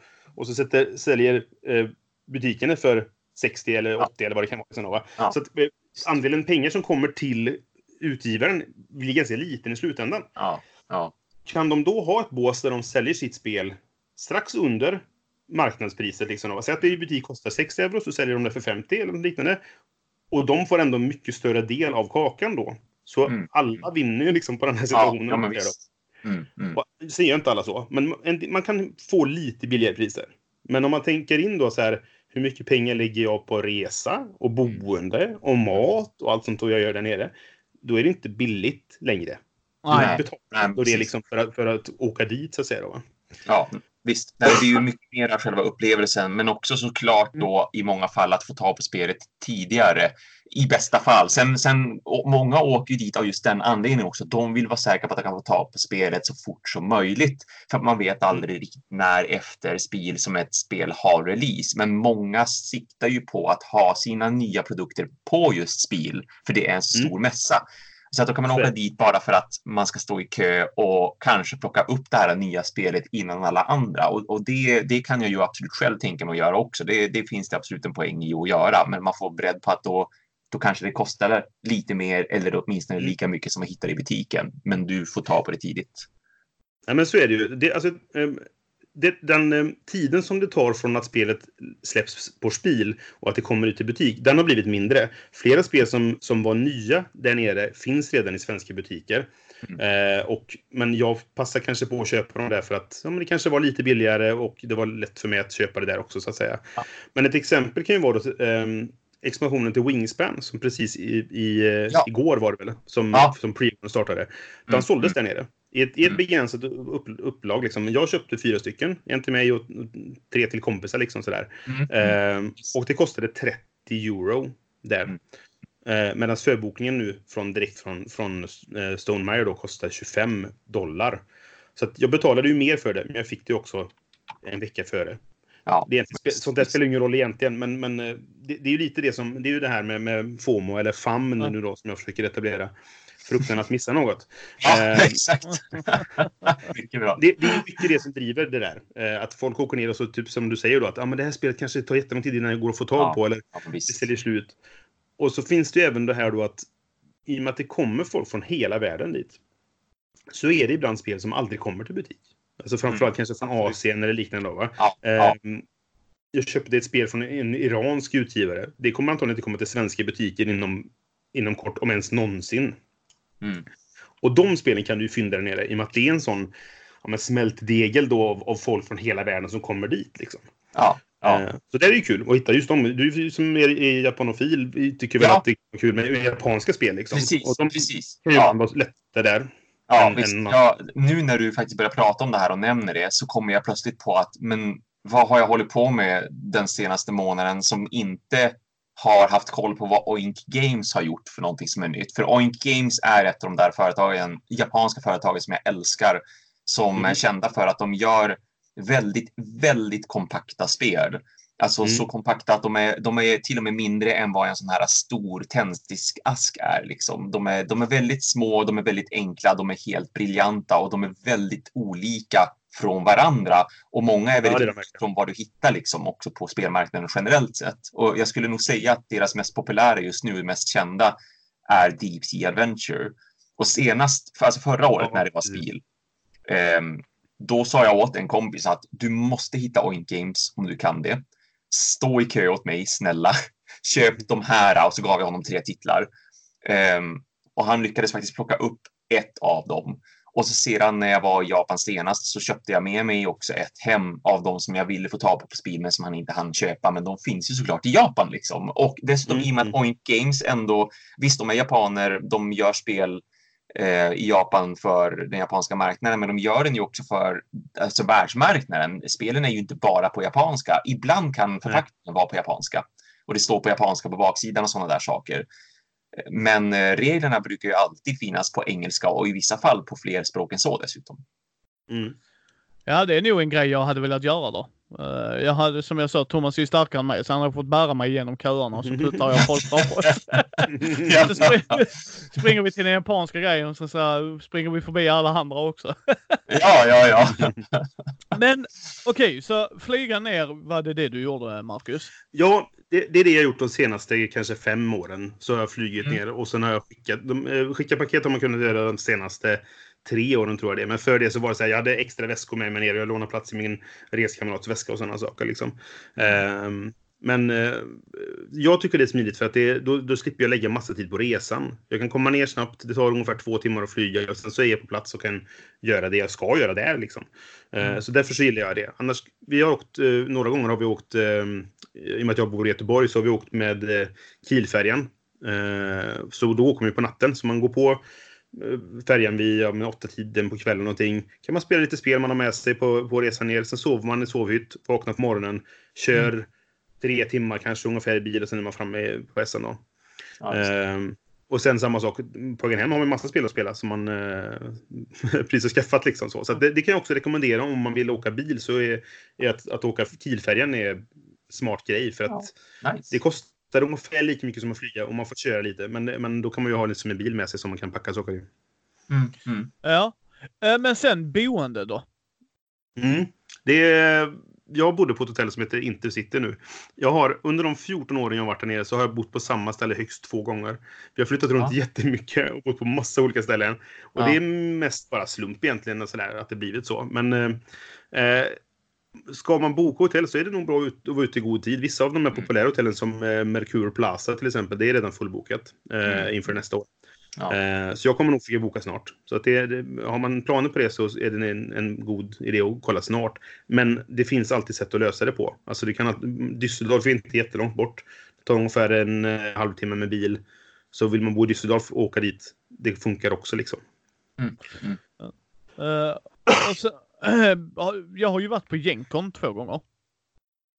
Mm. Eh, och där gör de ju otroligt mycket evenemang. Alltså det, Mm. de har världsmästerskap i massa spel eller så här, eh, typ som vi har på Gothcon kan man väl säga. Alltså massa sådana events. Men Ja. det har de inte på Essen va? Utan, Nej, det, det är en köpmässa eller en, en eh, affärsmässa eller vad ska man säga. Liksom. Den, är, den är ju för allmänheten, men den är ju för allmänheten att komma dit och köpa. Det är egentligen stora bås som går ut på att visa här är vårt spel, köp det så snäll. Eh, och det, det, de har lite, de har, det känns som de börjat vidga lite på det. De hade föreläsningar i år. Eh, flera stycken faktiskt. Jag var och lyssnade på en Ja. bland annat om, om iranska spel för att jag tyckte det var lite intressant. Eh, och de hade någon sån här eh, Portal Games firade 20 år och de, Ignacy Cevicek fick sitta och, och, berätta om, om Portal Games historia och så här. Liksom. Var, Mm. Vi ser på tyska, vi ser på engelska. Och de har börjat livestreama lite saker och sånt. Men det, det, det är en mässa du åker dit för att köpa på. Eh, Det är kommers liksom som gäller. men sen är det väl mycket spel på hotell och sånt, eller hur? Ja, ja. Alltså, och det, det, det är glädjande då för att eh, annars har det varit så att man suttit i, i någon lobby och sen så finns det inga ordentliga stolar och så, eller bord och så, så får man göra vad man kan. Men jättemånga hotell, all, alltså, vi var lite utspridda, mitt kompisgäng, eller de som jag kände som var där. Och nästan alla hotellen hade öppnat sina konferensrum för att spela i. Eh, och Ja. hade liksom skyltat så här, men här är spelrummet och så vidare. Här kan ni vara. Och jag menar, det, hotellet tjänar väl också på det. För att slipper folk sitta och drälla i lobbyn liksom och, och, och spel högt och lågt och ingen annan av, av gästerna som bor på hotellet som kanske inte är där för spelmässan kan Ja. få vara någonstans att vara också liksom. Ja. Ehm, så att det, det, och det, det är jättepositivt att de hotellen liksom fattat vad det är som pågår i stan och, och um, ger, gör plats för spelarna liksom. Ja. Mm. Men men vad tycker du så här, matkontot? eh, Blir det dyrt att äta där eller är det vad man gör det till? Alltså finns det bra billiga ställen att gå till eller hur blir det där? Det beror lite grann på vart, vart du vill äta någonstans. Det är, inte, det är inte billigt att äta ute i Tyskland så sätt. Eller det är ungefär som att äta ute här i Sverige.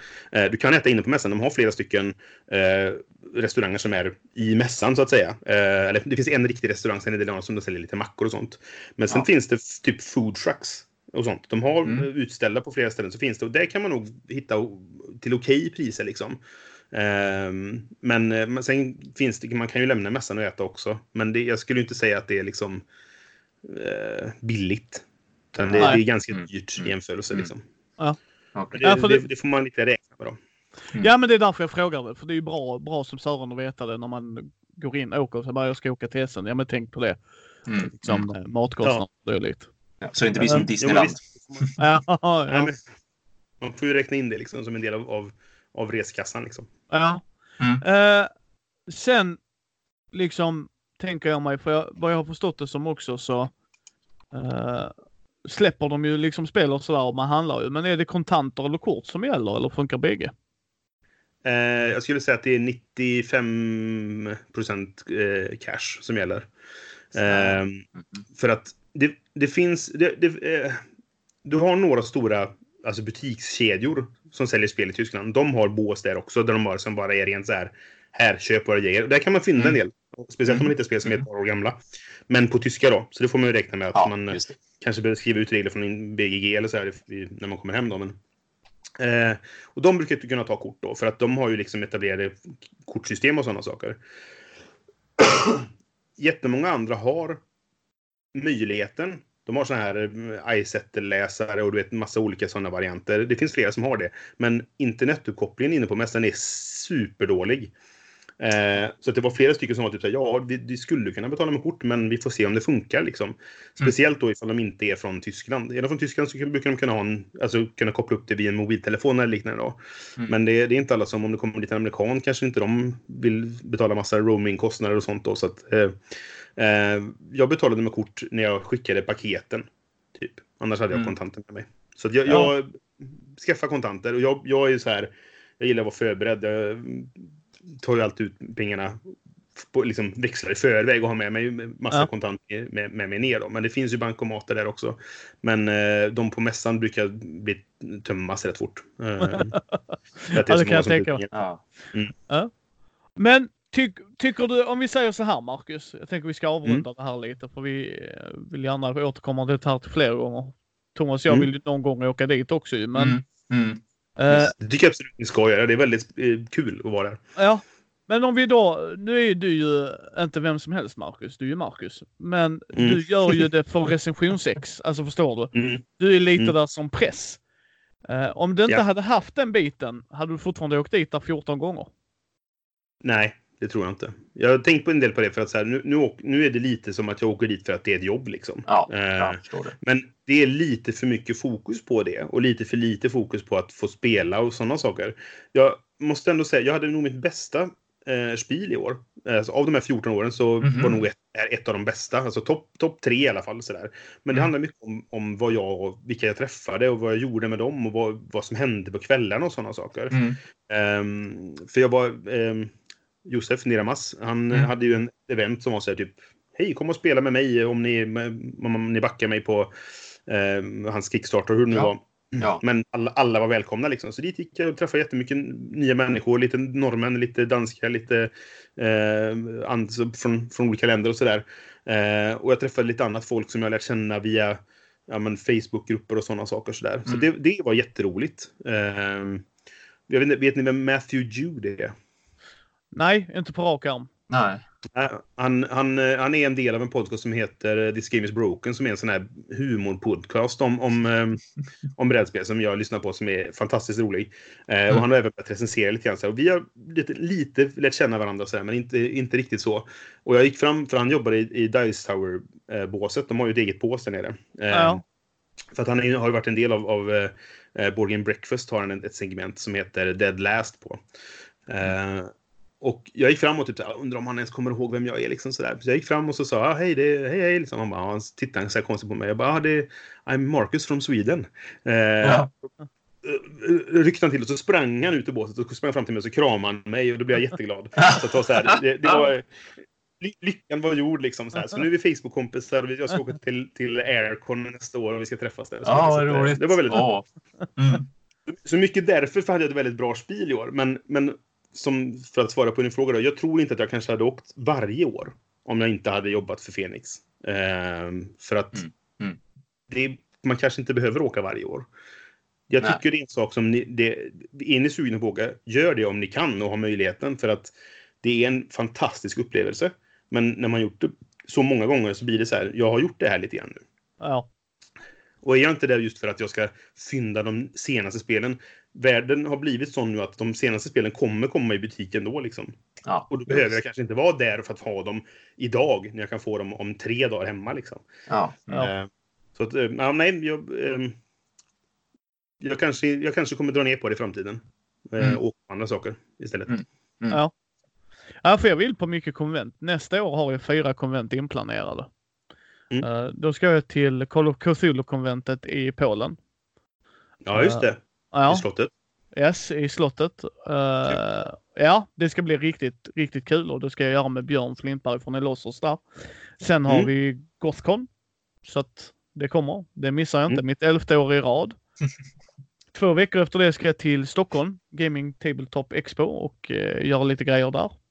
Just det, det är så pass snart in på det. Ja. Mm. Ja. Mm. Ja, och sen efter det så ska jag upp till eh, Skellefteå Mm. och Mm. Norrsken efter det. Så att jag har fyra Just det. konvent inplanerat nästa år. Mm. så att eh, ja. Det, Ja, det kommer bli mycket åkande. ja, fast Thomas vet det. Ja, jag snittar. Vad är det? ja, men visst. 200-300 mil i veckan i jobb, så att det är inga problem. Du har vanan med det liksom. Ja. Men det är, det, är, det är mycket man vill göra och som sagt Thomas och jag Ja. hade velat åka ner där och jag vill till, tillbaka Ja. till Gencon i USA. Ja.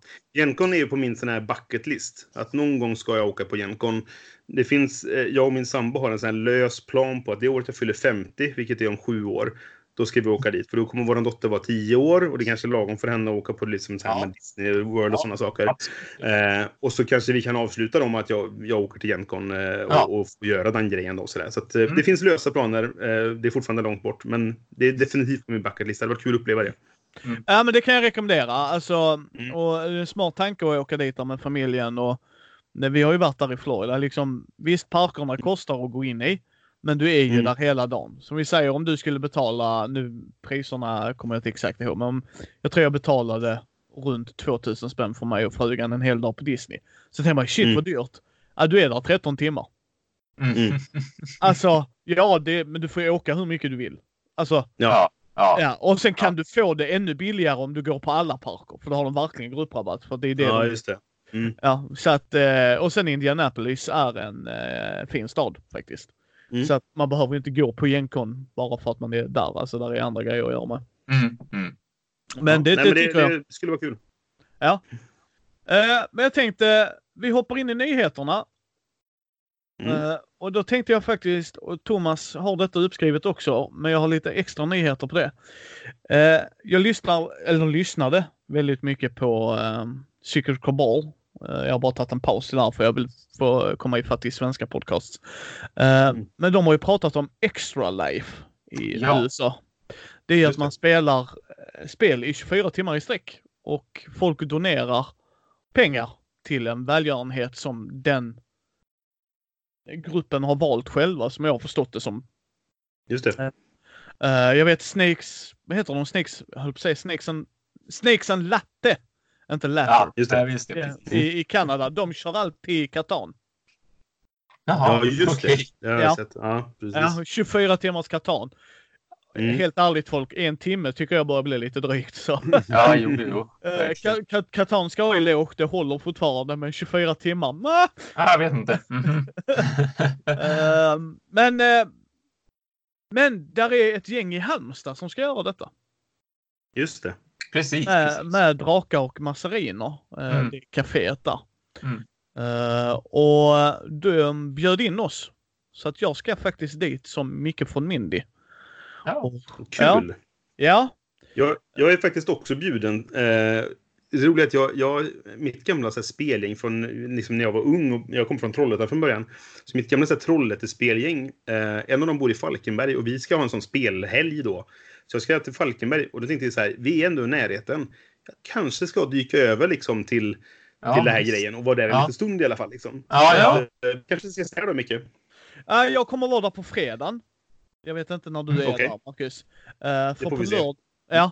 Eh, så på fredagen från när de öppnar till ja, jag och Fredde blir trötta så åker vi hem.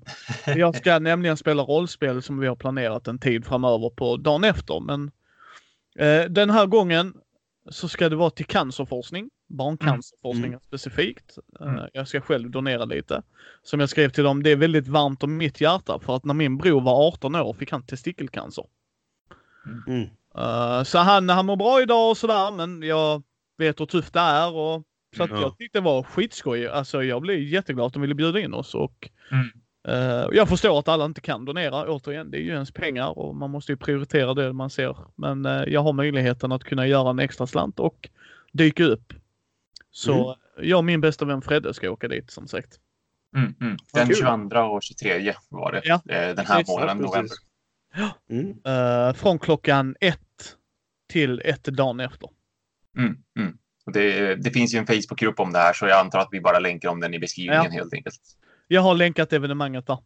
Ja. Eh, Så det kommer vi göra. Men eh, all heder till er som håller i det. Det är Mm. väldigt Mm. initiativ. Grymt. Mm.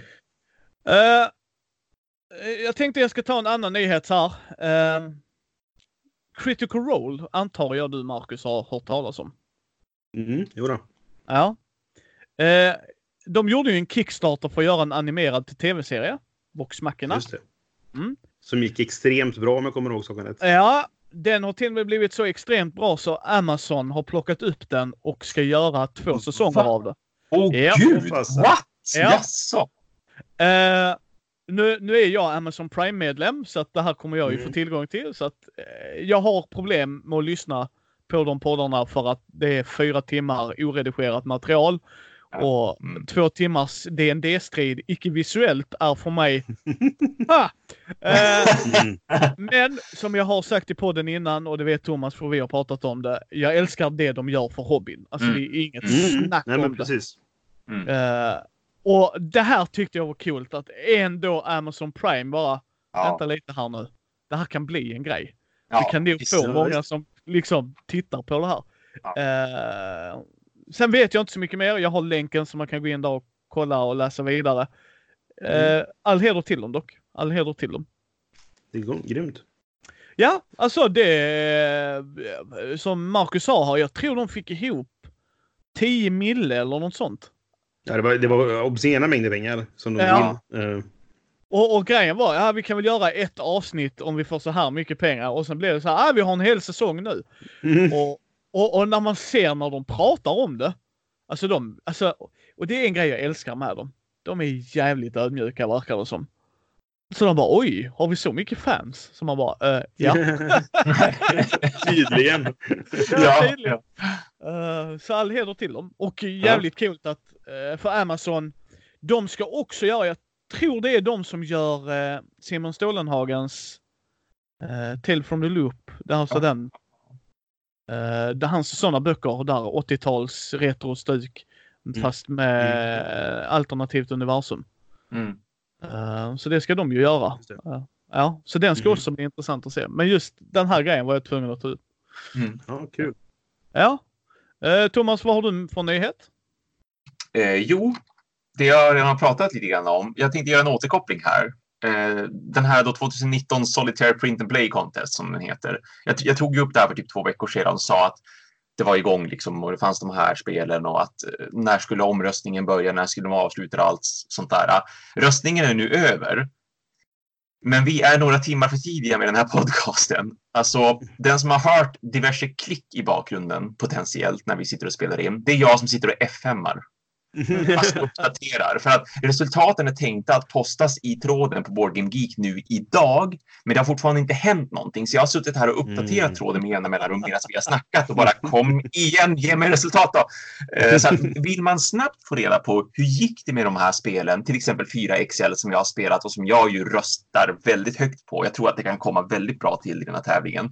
Vill man snabbt få reda på hur det har gått, då ska man helt enkelt kolla beskrivningen till det här avsnittet så att man kan kolla länken för att själva då få se hur har det gått. För resultatet är som sagt inte postat ännu. Annars kan man ju då vänta två veckor och förmodligen få höra det i nästa avsnitt. För att jag tror nog att jag kommer, jag hoppas kunna ha, ha hunnit spela någonting mer också innan dess. Eller kanske producerat 4XL i ett fysiskt format och hunnit spela det några fler gånger på det viset eller sådär.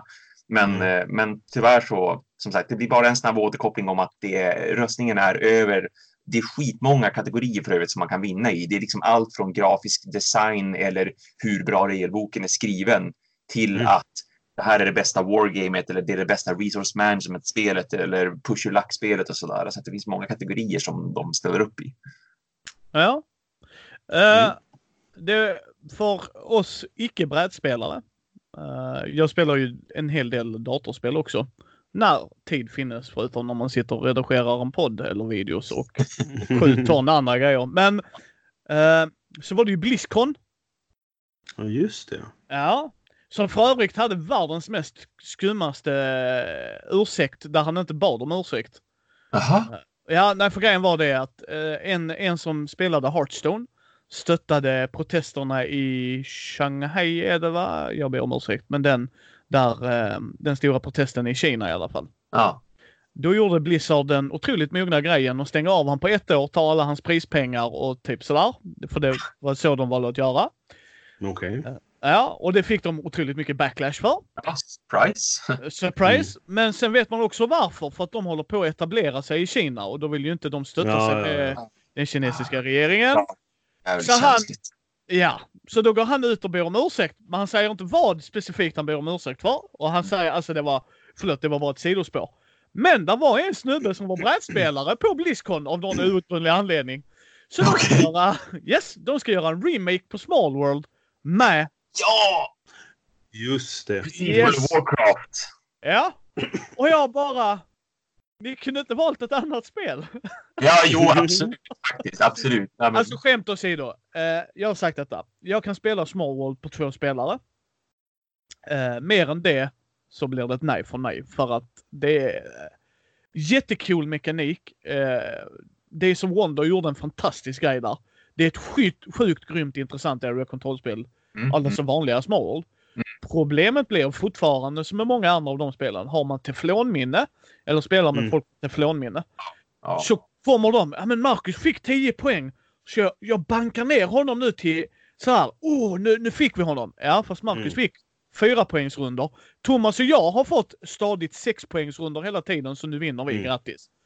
Ja. Det, det är kritiken jag har till Smallworld. De gör mycket innovativt och det är jättekul om folk gillar det. Men för mig blir det så här. Och så såg jag då att ah, vi ska göra det fast i det här. Och man bara, men okej grabbar. Det är jättekul att ni gör det. För det kanske får in eh, Blizzard-spelarna.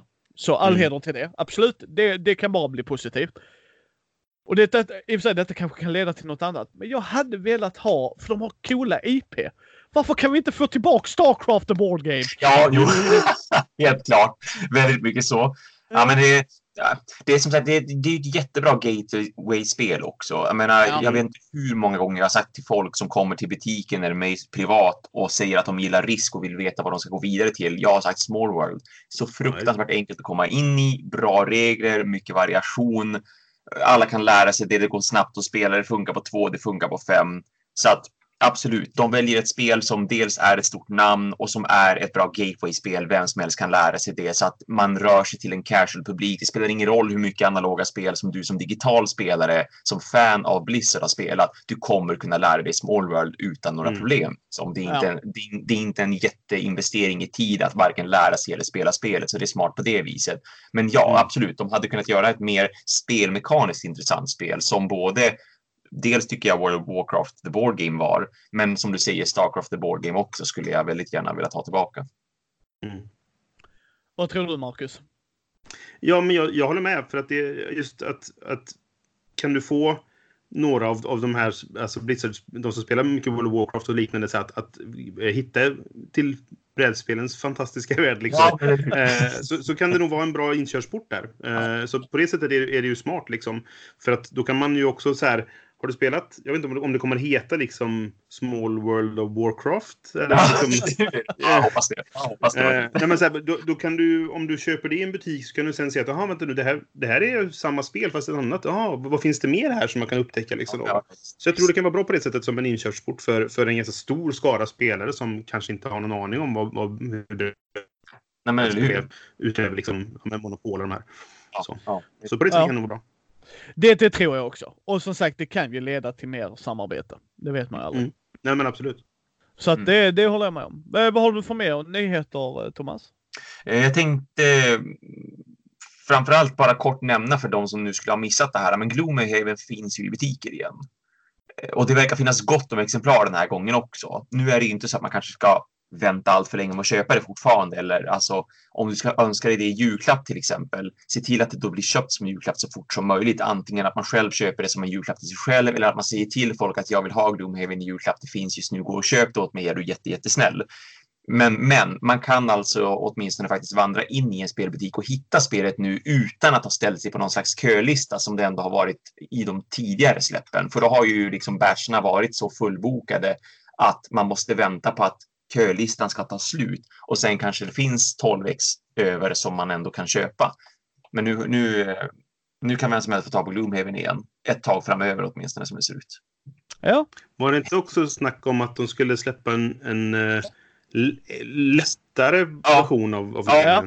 Någon slags ny retail-utgåva så att spelet verkligen lättare kan hamna i tryck och lättare kan ta till sig av spelare. Att du inte måste Ja. lägga dels 1300 kronor men dels 150 timmar på att spela färdigt spelet också utan Nej, försöka göra någonting som går lite snabbare att spela, som kanske är lite lättare att komma in i, som kostar lite mindre och som faktiskt går att producera på löpande band så det inte blir den här Mm. måste vänta ett år varje gång ungefär därför att det är så mycket Nej, att producera. Ja. Mm. Men inga mer Ja. nyheter om det har jag sett, utan det är fortfarande så här att det ska komma nästa år. Ja, just det.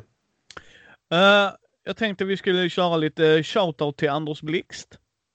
Mm. Eh, Mm. För eh, Thomas kanske vet, du vem Anders Blixt är?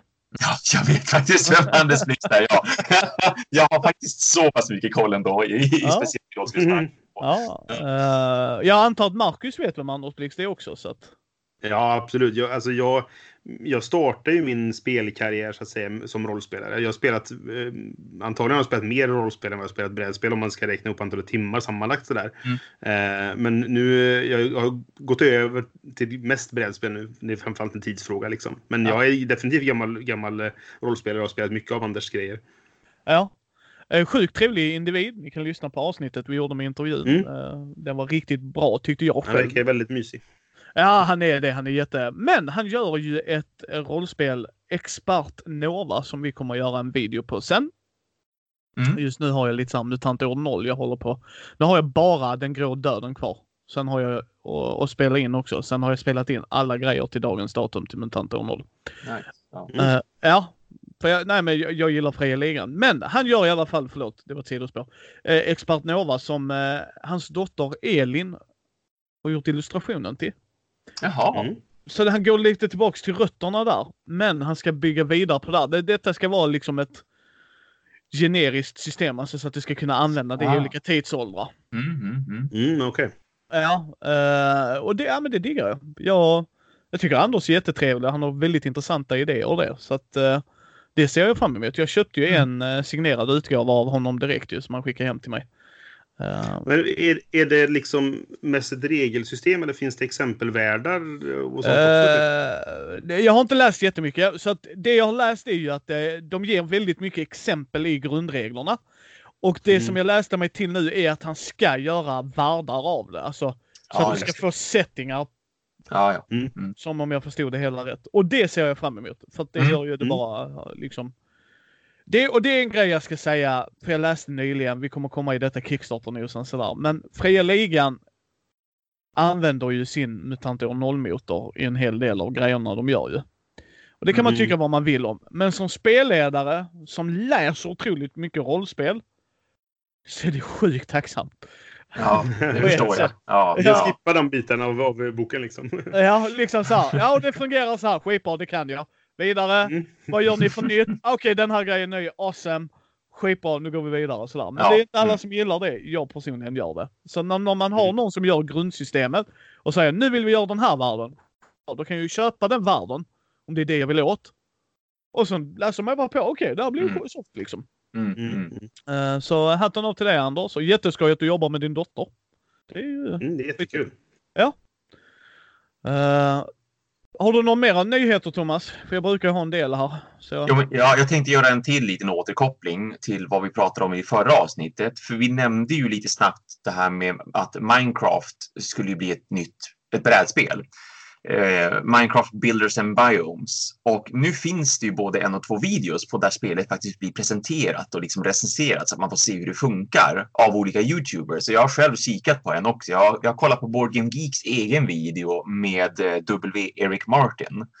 Så att nu, nu har jag lite koll själv då på hur kommer det faktiskt att funka, vilket kändes bra att kunna ändå prata om i förväg för framförallt kunder och sådär när jag ändå jobbar med det här. Eh, så det var, jag, jag, tänkte att jag skulle bara rekommendera folk, om det var någon som snappade upp det när vi pratade om det här förra gången, att eh, åh, intressant, ett Minecraft-sällskapsspel. Det kanske man skulle kunna få liksom, sina barn till exempel och, kunna spela för att då komma in i, i spelhobbyn och få upp ett intresse. Som sagt, återigen, precis som det här med Blizzard, att om vi kan få Blizzard-spelare eh, att bli intresserade av den analoga spelvärlden, då är det bara en bonus. Då är det liksom bara trevligt sådär. Och, och Minecraft är ju absolut också så här, det är ju så himla stort namn. Så att det är säkert mm. många som kan bli intresserade bara av att se att det finns ett ett brädspel som har Minecraft tryckt på sig. Och det såg intressant ut tyckte jag, spelmekaniskt och sådär. Jag tror inte det är världens mm. bästa spel, men det var ju som vi sa förra gången också, Micke, att det behöver ju inte vara världens bästa spel. Det behöver bara vara ett tillräckligt dugligt spel. Liksom. Och det tyckte jag absolut att det såg ut att vara. Jag, jag gillade det de hade gjort spelmekaniskt. Jag tyckte att de verkade fånga väldigt mycket av Minecraft i det. Så jag tror absolut att det kan tilltala just Minecraft-publiken. Att de kan liksom se Minecraft i det och känna som att oh, nu Minecraftar vi liksom, men i analog mm. form. Ja. ja, men det är härligt ju. Och framförallt att man kan få se det innan ju. Ja, visst. visst. Mm. Mm. Uh, där Eh, om man lyssnade på intervjun med Anders Blixt så fick man reda på att hans favoritrollspel är ju Space 1889.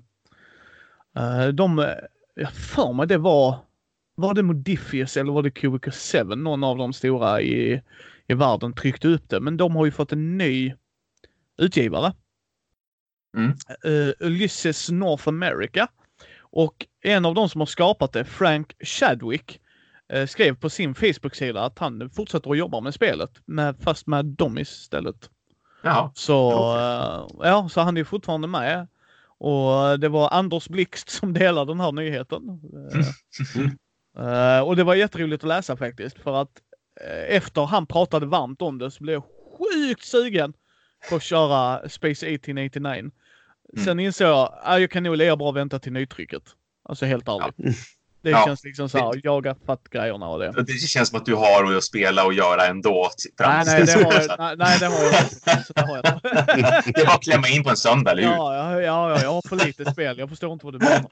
Har du, har du pratat med min fru eller? jo, det har jag faktiskt. Vi är ju vänner på Facebook nu, så vi kan messa varandra, vet du. Men det var en liten sidonotis, vilket jag tyckte var jättekul att de ändå håller kvar de som har gjort det. Det tycker jag är jättekul. Alltså för att mm jag menar, jag tycker ju de som har gjort det. Sen, det, sen kan de ju välja att gå vidare. Då är det ju det va. Alltså, nej mm. men nu får någon annan generation ta över, men vi väljer att gå vidare. Uh, men jag tänkte vi skulle... Det här är väldigt intressant och jag fattar inte. Så jag riktigt förstår inte det. King of Tokyo Dark Edition. Mm. Kommer att bli en single print run år 2020. När vette Sören. Kommer att innehålla en ny mekanik och ny artwork. De kommer väl pimpa upp det om jag fattade rätt. Uh, men mekaniken har man, vet man ingenting om än. Inget sånt. Jaha. Men det ska vara en limiterad printrun och jag bara... Ha. Why? Ja. Alltså, alltså och, eh, frå frågan är väl också, är, är det sant? Ja. Det, för att så här, säljer det mycket så kommer de trycka fler. Det, ja. det, det finns ingen som någonsin har sagt typ att det här är, kommer bara tryckas en gång och så är det så. Det har ald- jag tror nästan aldrig det, någon har hållit det löftet. För det har alltid så här, ja. vi, vi, kör en Kickstarter till då för att det gick så bra på den första så att uh, uh-huh. fler veckor vill jag ha spelet och så vidare. Så att, uh, ja, ja. det där får man nog se hur det blir ja. med det. Precis, men återigen, why? Ja, jo, varför ha liksom ändå en limited edition? Speciellt när den ska ha en ny mekanik och att det ska vara någon slags Special Collectors Edition också som finns med uppgraderade komponenter läser jag om. Alltså, ja. det känns bara så himla... Det är bara ett sätt att driva famn. Alltså så här... Eller FOMO då. Ja. Alltså, det, mm. det, är ett sätt att få folk att säga Åh, kommer det bara finnas en gång? Jag måste köpa, köpa, köpa, köpa. Ja, liksom. ja, jo, eh, och så kommer man antagligen sälja jättemånga eh, för att alla vill ha det. Liksom. Ja. E-, ett litet sidospår här. Eh, för att det, vi kommer komma in på Kickstarter nu så det här. Eh, lyssnade du på vårt senaste nyhetsavsnitt, Marcus? Eh, ja, det tror jag att jag gjorde. Jag brukar ja. lyssna på det på jobbet. Eh, ha på det i bakgrunden medan jag sitter och jobbar sådär. Så att, eh, ja. jag, jag, förhör mig inte. nej, nej, nej, nej. Vad jag bara menar är, vi pratade ju nämligen om Cool Mini or Not där. Du kommer mm. ihåg det. Och jag hatar ju deras sätt att göra affärer på. Mm. För de gör det som du säger där med FOMO eller rädslan för att missa eller eh, vad sa du? FAM? Fammen. Ja. Ja. Missa ja. något. Ja. Ja. Det är bara för att det blir en bra förkortning. Famnen. Ja, ja, ja fammen. För det, det kan vi försöka mynta, det tycker jag. Fammen. Uh, och det är ju att här har du grundspelet, Marcus. Här tänker du. Ja men 900 spänn, mycket plast. Okej, okay, fine. Alltså du får, du får räkna med det. Det är ett stort spel. Okej. Okay. Ja. Nu dippar det lite. Men du Marcus, du kan få en expansion här. För endast 350 spänn. Och man bara okej. Okay. Fast ni har ju redan artworken och allt klart. Boxen är ju redan gjord. Varför har jag inte vetat det här innan? Nej, ja, det, liksom förstår du? Och det gör ja. mig så jävla arg. Alltså, come on guys. Vill till exempel ta Takenoko. Mm. Är den med pandan va? Ja, precis. Ja, ja precis. Ja. ja. och jag har Tokaido också. Där gör de en deluxe-utgåva. Mm, mm. Okej, okay, jag kan tänka mig att den är limiterad, men vad gör de med utgåvan? Den är deluxe. Alltså, du får samma spel, det är bara större. Mm. Uh, Small World har gjort det och sådär. Och ja, de kostar, ja. de kostar fan i mig därefter också. Mm. Yep. Uh, men, och, och, det är limiterat, det köper jag. Och du får ett samlingsnummer, okej okay, fine. Men det är ju också när de bara gör en större deluxe-utgåva. Det har jag inga problem med för att de gör en deluxe-utgåva. Mm. Mm. Här får du spelet, mm. det här är deluxe. Men när man gör det som du säger så bara haha FOMO eller famnen, famnen, haha nu ska ni, nu ska ni se, nu ska vi se. Och så bara, men why? Ja men vi hotar upp komponenterna. Ja, för, vilka komponenter? King of Tokyo har stand-ins, tärningar? Ja. och lite duttar. Vad ska det? Nu är det glossat! Ooh. Ja, jo. Mm. Alltså förstår ni vad jag menar? Liksom, köper du deluxe-utgåvan av Small World, då får du de grejerna i trä. Ja, Alltså, ja visst. visst. Den är riktigt fin. Ja, den är ju Mm. fet. Det kommer, finns ju inte en fet chans i helvete att jag kommer köpa det. Men, eh, nej men det är alltså, det, det är liksom för att de, vad är det, fem lök det kostar vad det Ja, släppte. jo det är det. Ja. Ja, jag Ja. vet inte men ja. Ja, nej men det är Jo, alltså, jo, men det var verkligen 5-6 tusen. Ja. Men jag kan ju köpa det. För du fick en större grej, deluxe-utgåva. Samma sak med Takenoko. Pandan är ju för fan... Ja, jättebra radio Micke, men liksom vad fan är den? Ja, den kändes som 20-30 centimeter va? Alltså Ja, den var ja. riktigt jävla stor. Så när du flyttade den fick du lyfta den. Eftersom du har med två fingrar va? Ja. Återigen, deluxe-utgåva, fine. Det är synd att alla inte kan köpa det, men å andra sidan sett, du behöver inte göra det. Alltså Nej. det är det jag menar. Nej. Och så nu gör de en deluxe-ish utgåva och så ny mekanik. Jaha, vad då? Är, är det att du får rulla en fjärde gång? Vad är det? Vad fan händer grabbar? Mm. Men det, alltså, om man kollar på eh, King of Tokyo och King of New York så gjorde de ju det var ju lite regelskillnader. Så det Ja, finns ju en mekanisk skillnad mellan de två spelen. Ja, eh, och det visst. kanske är en sån grej då att de gör någon, någon Ja. till liten twist Ja. på det. Att, Ja. Vad det nu kan vara då. Eh, det vet jag inte men, men eh, antagligen så är det någon sån liten grej som de ändrar på. Och så kommer alla, alla vilja ha det. Så Alla King of Tokyo-fans kommer vilja ha det liksom. Ja. Ja, och skoj, skoj sådär, men ja. Jag, jag tyckte bara det var märkligt. Men skitsamma. Det, Mm. det är skoj att de gör det. Men Mm. Ja, det underliga är ju att, att den är limiterad liksom. Ja. Det är bara konstigt egentligen. Ja. Ja, eh, hade du mer nyheter Thomas? Nej, annars har det stått stilla. Ja. Eh, då har jag eh, en till här. Mystic Veil, har du spelat det Marcus eller Thomas? Ha, ha koll på men inte spelat.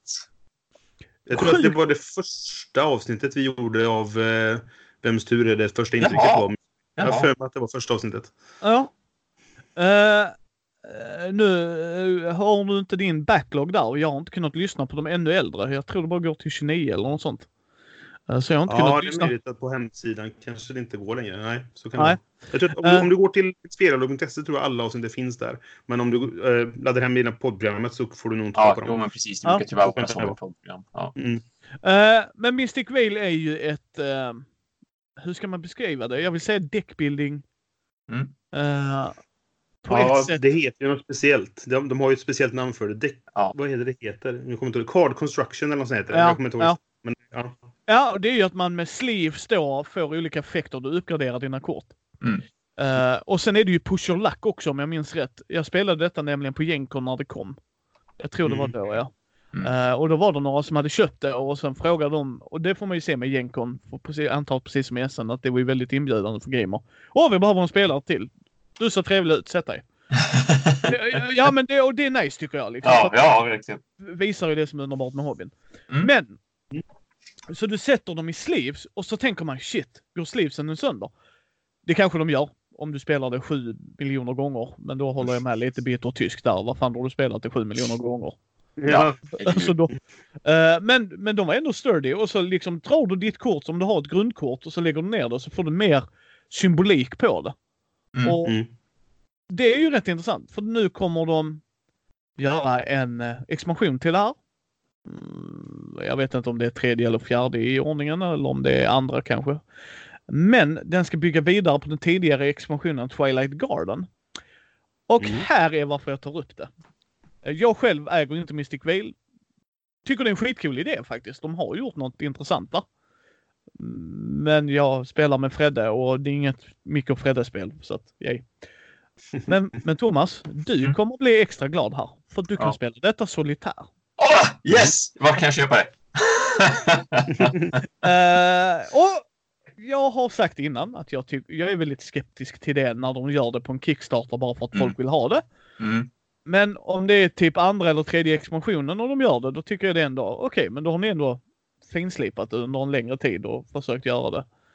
Eh, hur det kommer fungera stod det inte, utan det var bara liksom en announcement. Så att, eh, Mm. ja, all heder till folk som vill göra det. Mm. Mm. Men jag tänkte vi hoppar in i Kickstarter då. Mm. Eh, Freja Ligan gör ju skräckrollspel. Nordiska väsen heter den på Just det. liksom svenska. Mm. Uh, Micke backar denna Insta. Eh, det bygger vidare på år 0-motorn. Man kommer att spela på runt mitten på 1800-talet. Eh, men det är ens karaktär och har lite spelarkrafter och så. Eh, det är 19 dagar kvar om ni hör detta den vad blir det? 8 november på fredagen. Mm. Eh, de är redan fundade, 14 minuter till det. Så att jag menar. Japp. Jo då. Ja. Eh, Ja, så det att- är sjukt faktiskt. Ja. Ja. Eh, men, men jag diggar Fria Ligan. De är med och sponsrar oss i julklappsutdelningen. Jag kommer att berätta detta lite senare i avsnittet här, men jag tänkte vi går igenom Kickstarter först. Jag gillar det här, som jag sa innan. Wow, jag slipper läsa 17 miljoner nya regler. Äntligen. Mm. Eh, jag gillar MUTANT år 0-motorn, det gör jag. För att det utmanar, för folk som inte vet det, du har grundegenskaper, färdigheter och så kan du ha pryltärningar. Det har det varit i MUTANT år 0. Sen har de byggt vidare på det i de andra och de gör inte bara en reskin utan de bygger vidare på det. Och det är Nils Hintze som gör detta, som gjorde Tales from the Loop. Som Mm. också var en stor Mm. hit av, av deras. Så att, Mm. Eh, och det kommer att utspela sig i Norden så att jag är all in. Jag är all in. Det är liksom tärningsbyggarpoolsystem. Enkelt för nya Mm. spelledare att komma in vill, vill jag fortfarande påstå. Jag vet inte, har du läst något Marcus om MUTANT år 0? Alltså titta på reglerna. Ja, Mutantor 0, jag har aldrig spelat det, men jag äger det mesta de ut ut till det. För att jag är en gammal mutantspelare. Det var så jag började liksom. Sådär. Så att jag, jag köper saker bara det står mutant på dem. Ehm, men, eh, så att jag tror att jag har det mesta som getts ut hittills. Jag sitter och väntar på det här... Eh, Hindenburg. eh, Hindenburg nu. Ja, precis. Ehm, men men eh, jag, jag har faktiskt inte spelat det än. Och eh, jag har insett att jag måste sluta så här, backa rollspel på Kickstarter. För att jag kommer, jag kommer aldrig spela dem liksom. Eller jag har inte tid till det. Jag fick hem Ja. det här, vad heter det, King in Yellow Roleplaying Game. Ja, Ah. just det. Ja. Om, du vill göra 3000 av med den så, så kan du ringa mig. du köpa det där? Ja, precis. Väldigt fint är det, men, men Ja. jag vet inte när jag kommer till det. Mm. Nej, nej men så är det ju. Och, eh, men jag, jag gillar att de är internationellt stora. Jag tycker det är Ja. jätte... Jättekul. Visst, Eh. ja, jätteverkligen. Ja. Ja, för de är ett av de få, få företagen i Sverige som kan leva på att göra rollspel. Ja. Mm, mm. Så all Nej, heder till dem. All heder Tom, absolut. Ja. Eh, har du någon Kickstarter-news, Thomas? Eh, Jag har ju någonting som också är ett rollspel, hör och häpna. Så att jag tänker mig att vi har ju samma och vi, du har just pratat om fria ligan så vi går väl vidare bara. Helt Ja. enkelt. För de gör ju en, de har ju en till Kickstarter för ytterligare ett rollspel. Eh, Och det är ju det som heter Väsen. Eller det stavas ju. V-A-E. Var det denna? Yes. Jag tyckte det sa att du sa Forbidden Lands. Nej, de har gjort det. Det är samma regelmotor till det. Oh, look at that. Ja, just det. Precis, Ja. för den är färdig. Nej, men då Yes. så. Ja, det var min enda. Faktiskt. Det var det enda. Jag hade också tittat på Mm. den bara för att jag tyckte det såg jäkligt coolt ut i och med att det är liksom en gotisk skräck. Yes. Ehm, in, inte backat, men, men ja. Thomas. God damn it. jag var sjukt sugen på att backa det mest för att ge det till till exempel Ingmar som du ju också har träffat nu Ja. Micke, som vi satt och spelade med som bor i samma stad som dig. Eh, Han älskar ju också rollspel, spelar mycket rollspel och älskar just skräck och sådär. Så att, ehm, lite sugen på att backa det bara för att ge till honom. Eh, Förhoppningsvis lyssnar han inte på det här. För då har jag spoilat det. Men nej, det ser fantastiskt ut. Så Ja. det, var, det var därför jag uppmärksammade det, trots att jag inte som sagt spelar så mycket rollspel, eh, speciellt inte nu liksom. Men, men jag tyckte det såg så jäkla läckert ut bara. Sen har Mm. vi ju då uh, Ski Tour.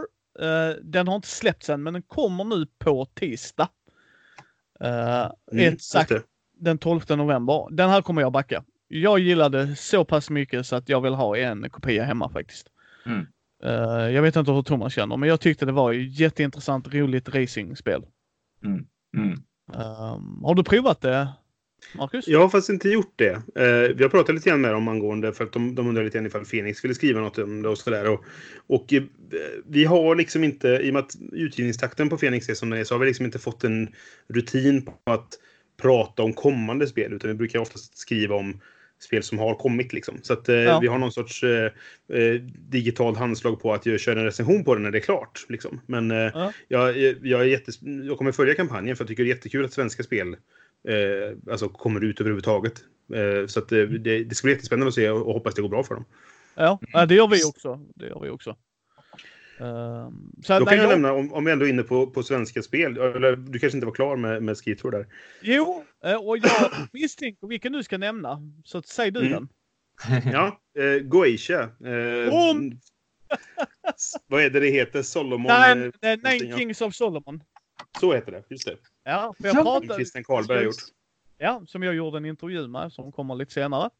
Ja. Han sa det, sa det vi skulle podda idag. Han bara åh, då kan uh, Brisse prata om det ju. Och ja, go! Du har faktiskt spelat det ju. Mm. Vi, vi gjorde ju ett, eh, på Tabletop Expo i, i Stockholm förra året så var, testade vi, vi gjorde ett, ett avsnitt om den ja, men, prototypen som den var då så att säga. Eh, så jag bara spelat mm. en gång. Eh, men, eh, och jag pratade med Christian, för han var på, på Brå Spelkonvent också nu. Han sa att det, det har ändrats en del sen dess, så du borde testa det igen. Sen hann jag inte göra det så att säga. Då, men, men jag tyckte det som jag spelade då var riktigt roligt. Och jag tror att sen har han utvecklat det mer sen dess. Mm. Så att, mm. det, det är ett spel som jag är definitivt nyfiken på och kommer också följa den kampanjen och se hur det går med det. För jag tyckte det var riktigt roligt. Ja, för det kommer också den 12 november då. Ja. Yep. Uh, och sen har jag bara en sista nyhet eh, på Kickstarter-delen. Sen ska vi gå på så här, i våra pipelines och det. Eh, Deadlands eh, Lost Colonies. Savage World är ju ett... Eh, vet du vad Savage World är i rollspel, eh, Brisse? Har du koll på det? Ja, någon gång för länge sedan så recenserade jag ett Savage World-supplement som handlade om eh, någon sorts, eh, ja, vad var det ens, grekiska greker i framtiden. Eh, någonting, jag vet inte, det var något ja. sci-fi med grekiskt tema. Um, men jag hade liksom ingen koll på, uh, på egentligen systemet. Utan jag, det var mer settingen jag, jag skrev om. Ja. Men nej, så jag, jag har väldigt dålig koll egentligen. Deadlands däremot kan jag jättemycket om. Jag har spelat jättemycket Deadlands. Ja.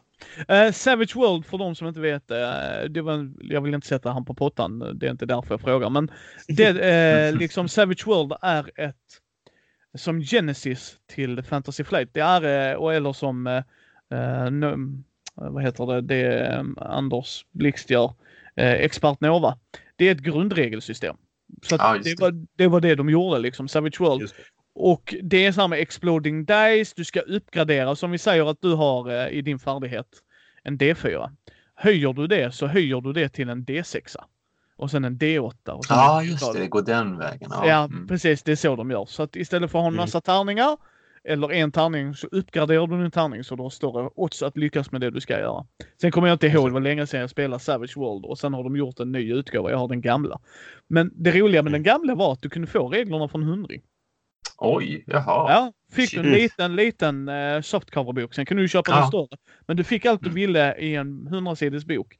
Och det mhm. var verkligen där de uppmuntrar dig. Här har du lite grundstat för laservapen och här har du för lite svärd. Vad ni vill göra. Men de ska göra Deadlands, Lost Colonies. Mm. Uh, då är det western i, uh, fick jag känslan av, i uh, framtiden år 2097. Mm. Det är en, en relaunch på en produktlinje från år 2000. Jaha. Alltså Deadlands, eh, från början var det The Weird West Role Playing Game hette det ju. Eh, och sen så i en av kampanjerna i Deadlands så kom, åker man till framtiden. Så det är det postapokalyptiskt stället som heter... Aha. Vad hette den? Säb...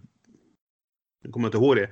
Men det, det, det, var en ny setting som var, alltså, byggde på samma system och så vidare, men det var i framtiden istället.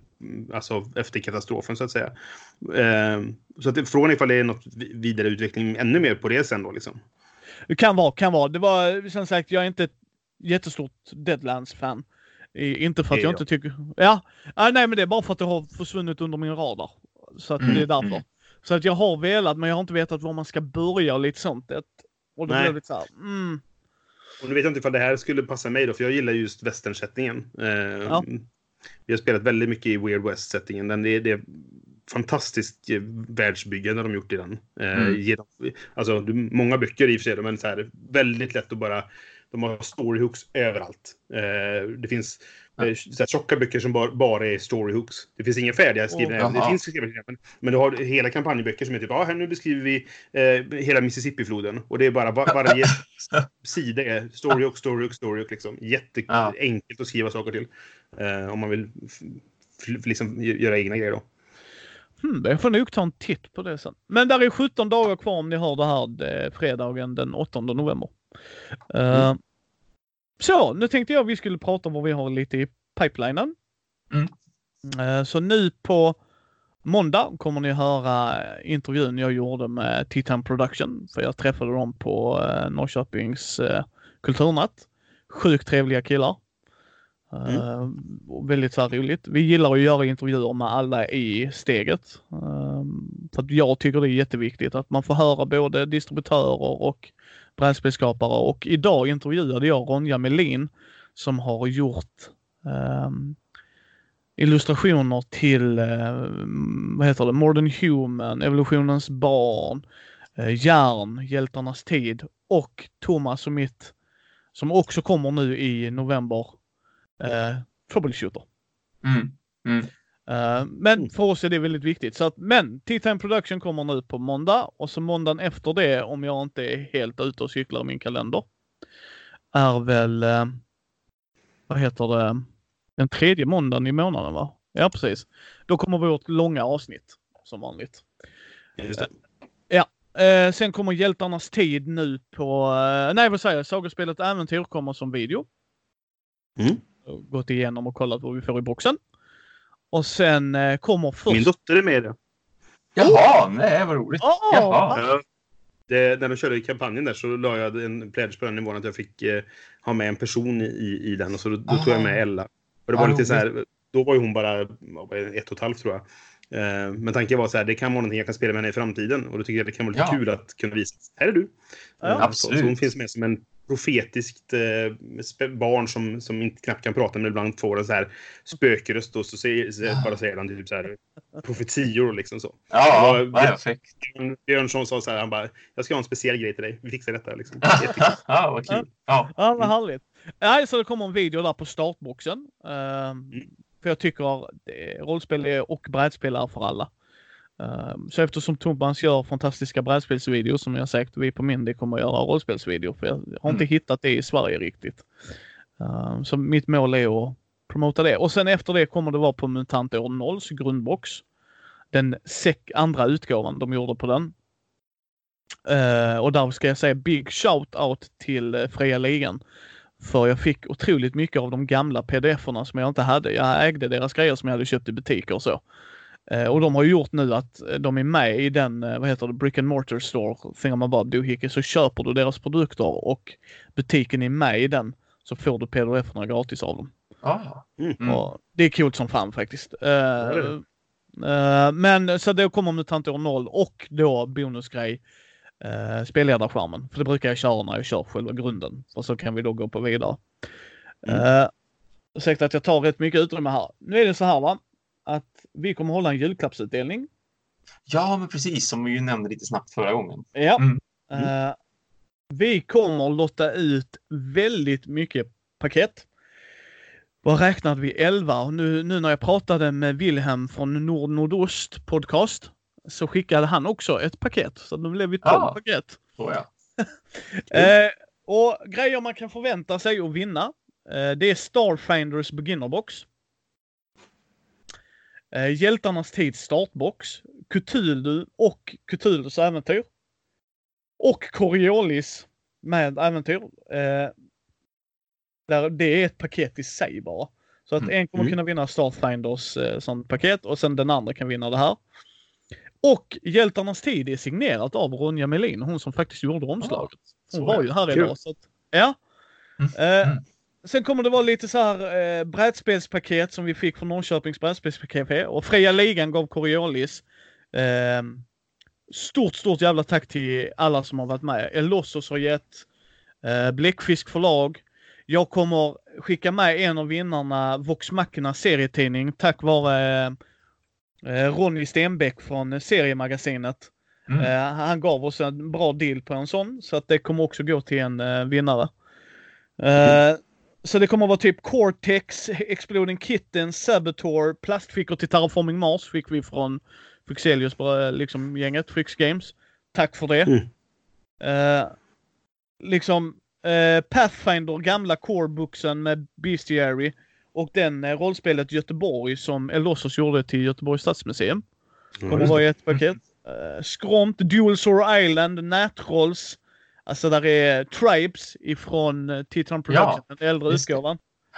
Uh, Looney Quest, King Domino kommer någon få. Eh, The Others fick vi också. Wow. Ja. Eh, och Hjärnor, uh, figurspelet där. Mm. Eh, där kommer vara ett extra fint eh, rollspel och brädspelspaket till någon. Där man får Exploding Kittings, King Domino, Handbok för superhjältar. Mm. Mm. Eh, och Looney Quest. Mm. Vi, vi försöker bygga ihop det så mycket som möjligt. Va? Och återigen. Eh, nu har jag inte fått grejerna från Willem än, så där vet jag inte vad han ger oss. Men ett stort jävla tack till dig också där. Big shoutout. Uh, återigen, återigen. Stort, stort, stort tack till alla som har velat vara med på det här. Eh, vi kommer dra igång den här tävlingen i början på december. Första december går tävlingen igång. Och då kommer ni få liksom gilla vår sida och lite sådana grejer också. Men det är bara för att vi ska kunna sprida vår hobby. Mm. Mm. Eh, Men, eh, och sen vill vi att ni fyller i ett dokument som ger oss ett, lite mer feedback på podden. Så, nu har jag tjatat alldeles för mycket här, men jag vill ändå säga det och, och har jag glömt något företag, jag ber tusen gånger om ursäkt, men det kommer stå i bilderna vad vi har fått från vem och så. Så att det är props där props ska vara. Så det kommer komma dyka upp på Instagram, Twitter och vår Facebookflöde. Mm. Mm. Kul! Eh, ja, ja, det är jätteskoj. Jag, som sagt, jag vill ju ge tillbaks. Jag har sagt detta i podden innan. Jag hade inte en så bra uppväxt. Nu har jag chansen att kunna ge folk lite mer glädje, så då, då tar jag den chansen. Mm. Eh, Det ska du Thomas- ha en stor eloge för. ja, Ja, verkligen. eh, Thomas. Ja, och sen World of Board Games kommer också skänka något. Men, Ja, just det. eh, Men vi tar det när det närmar sig vad det blir. Mm, Men mm. Måns var jättegärna med på en grej där. Mm. Så det tack till dig Måns, som vanligt. Eh, vad har du i pipelinen, eh, Thomas? Ja, som jag har sagt nu i typ sex veckor tror jag, så det som ligger närmast till hans är ju Imperial Settlers Empires of the North. Eh, men i och med att jag reste bort och i och med att jag fått både en och två Kickstarters som jag ska titta på och sådär, så det, liksom, det skjuts fram hela tiden. Nu har jag dessutom fått Machikoro Legacy och ett spel som heter Wayfinders skickat till mig så sent som idag av Asmodee Nordics. De, de mejlade mig eh, tidigare idag mitt på dagen och frågade om det var någonting som jag var intresserad av. Och det är klart jag var jätteintresserad av. Jag har sneglat på Machikoro Legacy bara för att se hur 17 gör man Machikoro som ett legacy-spel. Det verkar jätteintressant. Jag, jag tycker att Machikoro är ett jättetrevligt spel som det är. Um, och Wayfinders hade jag ingen koll på sen tidigare. Kollade upp det, tyckte det såg väldigt sött och trevligt ut. Så det vart jag också peppad på. Så de tre Mm. spelen som då alla kommer från Asmodee Nordics, därför tänker jag absolut göra dem och, och recensera dem i den ordningen. Men återigen kommer en Kickstarter emellan. Vi har just nämnt den. Jag har Mm. nämligen, ja, bara för typ två timmar sedan så uppdaterades min Postnords app med ett paket från Christian som vi just nämnde då under Kickstarten. Jag ska ju få göra en video på det här Goetia Nine Kings of Solomon. Så, så det i och med att Kickstarter som vi ju har sagt ska gå, i, ska gå upp ganska snart, den 12 var Nästa vecka på tisdag. Ja, precis. Nästa vecka på tisdag. Så måste jag ju turbospela det här helt enkelt. Så Mhm. jag, jag hoppas kunna få upp den recensionen kanske till den 22, 23, 24 eller 25. Någon gång där. Liksom, in, inte för sent i alla fall, men på en Ja. två veckor. Det kommer mest troligt att ta i alla fall två veckor. Jag vill kunna få det ordentligt spelat och jag ska hinna få paketet och lösa ut det också. Så det ska bli väldigt spännande. Jag hade, jag hade eh, koll på det här, eller jag hade kontakt med Christian redan för en månad sedan, men då var det just det här att jag skulle åka till Helsingborg bland annat. Så att det krockade lite grann med det och jag hade redan en Kickstarter som jag just då skulle titta på dessutom som, som det krockade med. Eh, men det ska, bli, det ska bli intressant här. Jag gillar ju konceptet just att man, man placerar arbetare för att kontakta, frammana och dyrka demoner. Tycker det Mhm. låter jättetrevligt. Mm. ja, vad har du i pipelinen, Marcus? Ja, eh, på grund av att jag, det har varit eh, spil och jag har varit där och det har varit mycket med det och sådär. Så just nu så har jag inga liggande avsnitt till, till podden faktiskt. Utan vi får Mm. se. Jag har ju... Eh, nästa vecka borde det komma ett avsnitt. Så det kan hända att jag missar eh, att komma med ett avsnitt här. Vi får se vad vi hinner spela den närmaste tiden här nu. Mm. Ja. Eh, och så. Men eh, nästa nummer av Fenix kommer det vara en hel del... Eh, eh, jag, kommer, ha- jag har en liten artikel om, om spil med lite av de eh, siffrorna som jag gav över tidigare och lite Ja. tankar om, om hur, det, hur det var där så att säga. Mm. Mm. Eh, och sen har jag, ska vi se, en, två, tre, fyra, fem, 7, 8, 9, 10, 11, 12, 13 recensioner. Sådär ja, och jösses ja. Ja, det blir en del att skriva där. Ja, och sen eh, har jag ju då, eh, alltså med Hem från Essen så följde det ungefär 28 spel tror jag det blev till slut som jag ska recensera. Men de kommer ju tas pö om pö då. Liksom, Ja, sådär. förstås. Eh, Jag kommer försöka göra det så snabbt som möjligt, men det, det beror ju... Man får ju spela dem några gånger innan man, man Ja, skriver ja. Så. Visst, Ja. visst.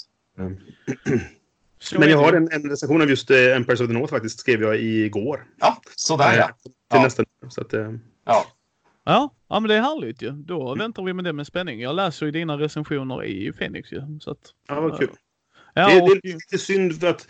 För, alltså så här, det, det är inte jättemånga brädspelare som läser en till. Nu är du rollspelare också, Micke, så att du, du, du, du får ju det också, så att säga. Men, men Ja. det är ju väldigt mycket en rollspelstidning och många brädspelare bryr sig inte om den Ja. för att det är så mycket rollspel i den. Ja. Jag försöker dra mitt strå till stacken liksom sådär, eh, och, och skriva det om jag får en idé till en, en artikel eller något sånt där också. Mm. Men eh, det Ja. är kul att du läser i alla fall eh, när, när det väl är något brädspel. ja, nej, jag läste din artikel nu också i, inte nu i skräcknumret, utan den innan var det va? Ja. Om ehm, slump. Var det slump i spel? Ja, jag har för mig det. Alltså, Ja, förlåt, asymmetri. Sorry, ja, det var det. Mm. Mm. Eh, den var också väldigt intressant, så att eh, det Mm. tycker jag. Men som du Ja, sa, det är det är ju... Det är ju ja, förlåt. Nej, men det är som du sa, det är ju en mer rollspelstidning. Mm. Ja, det är ju det. Alltså, det, Ja. det är ju jag och, som gör det mesta som är brädspel. Jag är ju på tidningen, min titel är ju att jag är brädspelsredaktör. Vilket inte betyder någonting egentligen, det är mest en titel. Men det, det är ju mest för att det, det är mest jag som skriver om brädspel i tidningen. Liksom. Ja. Så fick jag vara brädspelsredaktör. Men ehm, ja, men där har vi. Det är ju vårt pipeline. Eh, Då Mm. vill jag passa på att tacka er för att ni har lyssnat som vanligt. Eh, tack så mycket Marcus att du var med. Och tack för att jag fick vara med, det var jättetrevligt. Ja. Eh, ni hittar ju oss på mindy.nu som vanligt eller på Mindys bräd och rollspelspodd på Facebook, Instagram, Twitter och Youtube. Och Thomas hittar ni på. Konrad Dago recenserar på Youtube. I synnerhet där. Visst, Ja. det finns ju på så här, ja, men i Facebookgruppen såklart, i Konrad Dago recenserar Facebookgruppen. Alltså, skriver man någonting och taggar mig så då, då kommenterar jag ju det så fort som jag kan. Och på Ja. Twitter finns jag också, men, men min Twitter är ju någorlunda personlig också. Det är ju inte alltid att jag bara såklart twittrar om sällskapsspel, men jag gör ju ofta det också. Alltså har jag spelat en Kickstarter eller har jag spelat något spelmässigt, sådär brädspelsmässigt, då, då twittrar jag ju såklart om det. Det händer ju det också. Ja, och eh, nyheter kan ni skicka till oss på micke.mindy.nu och Thomas.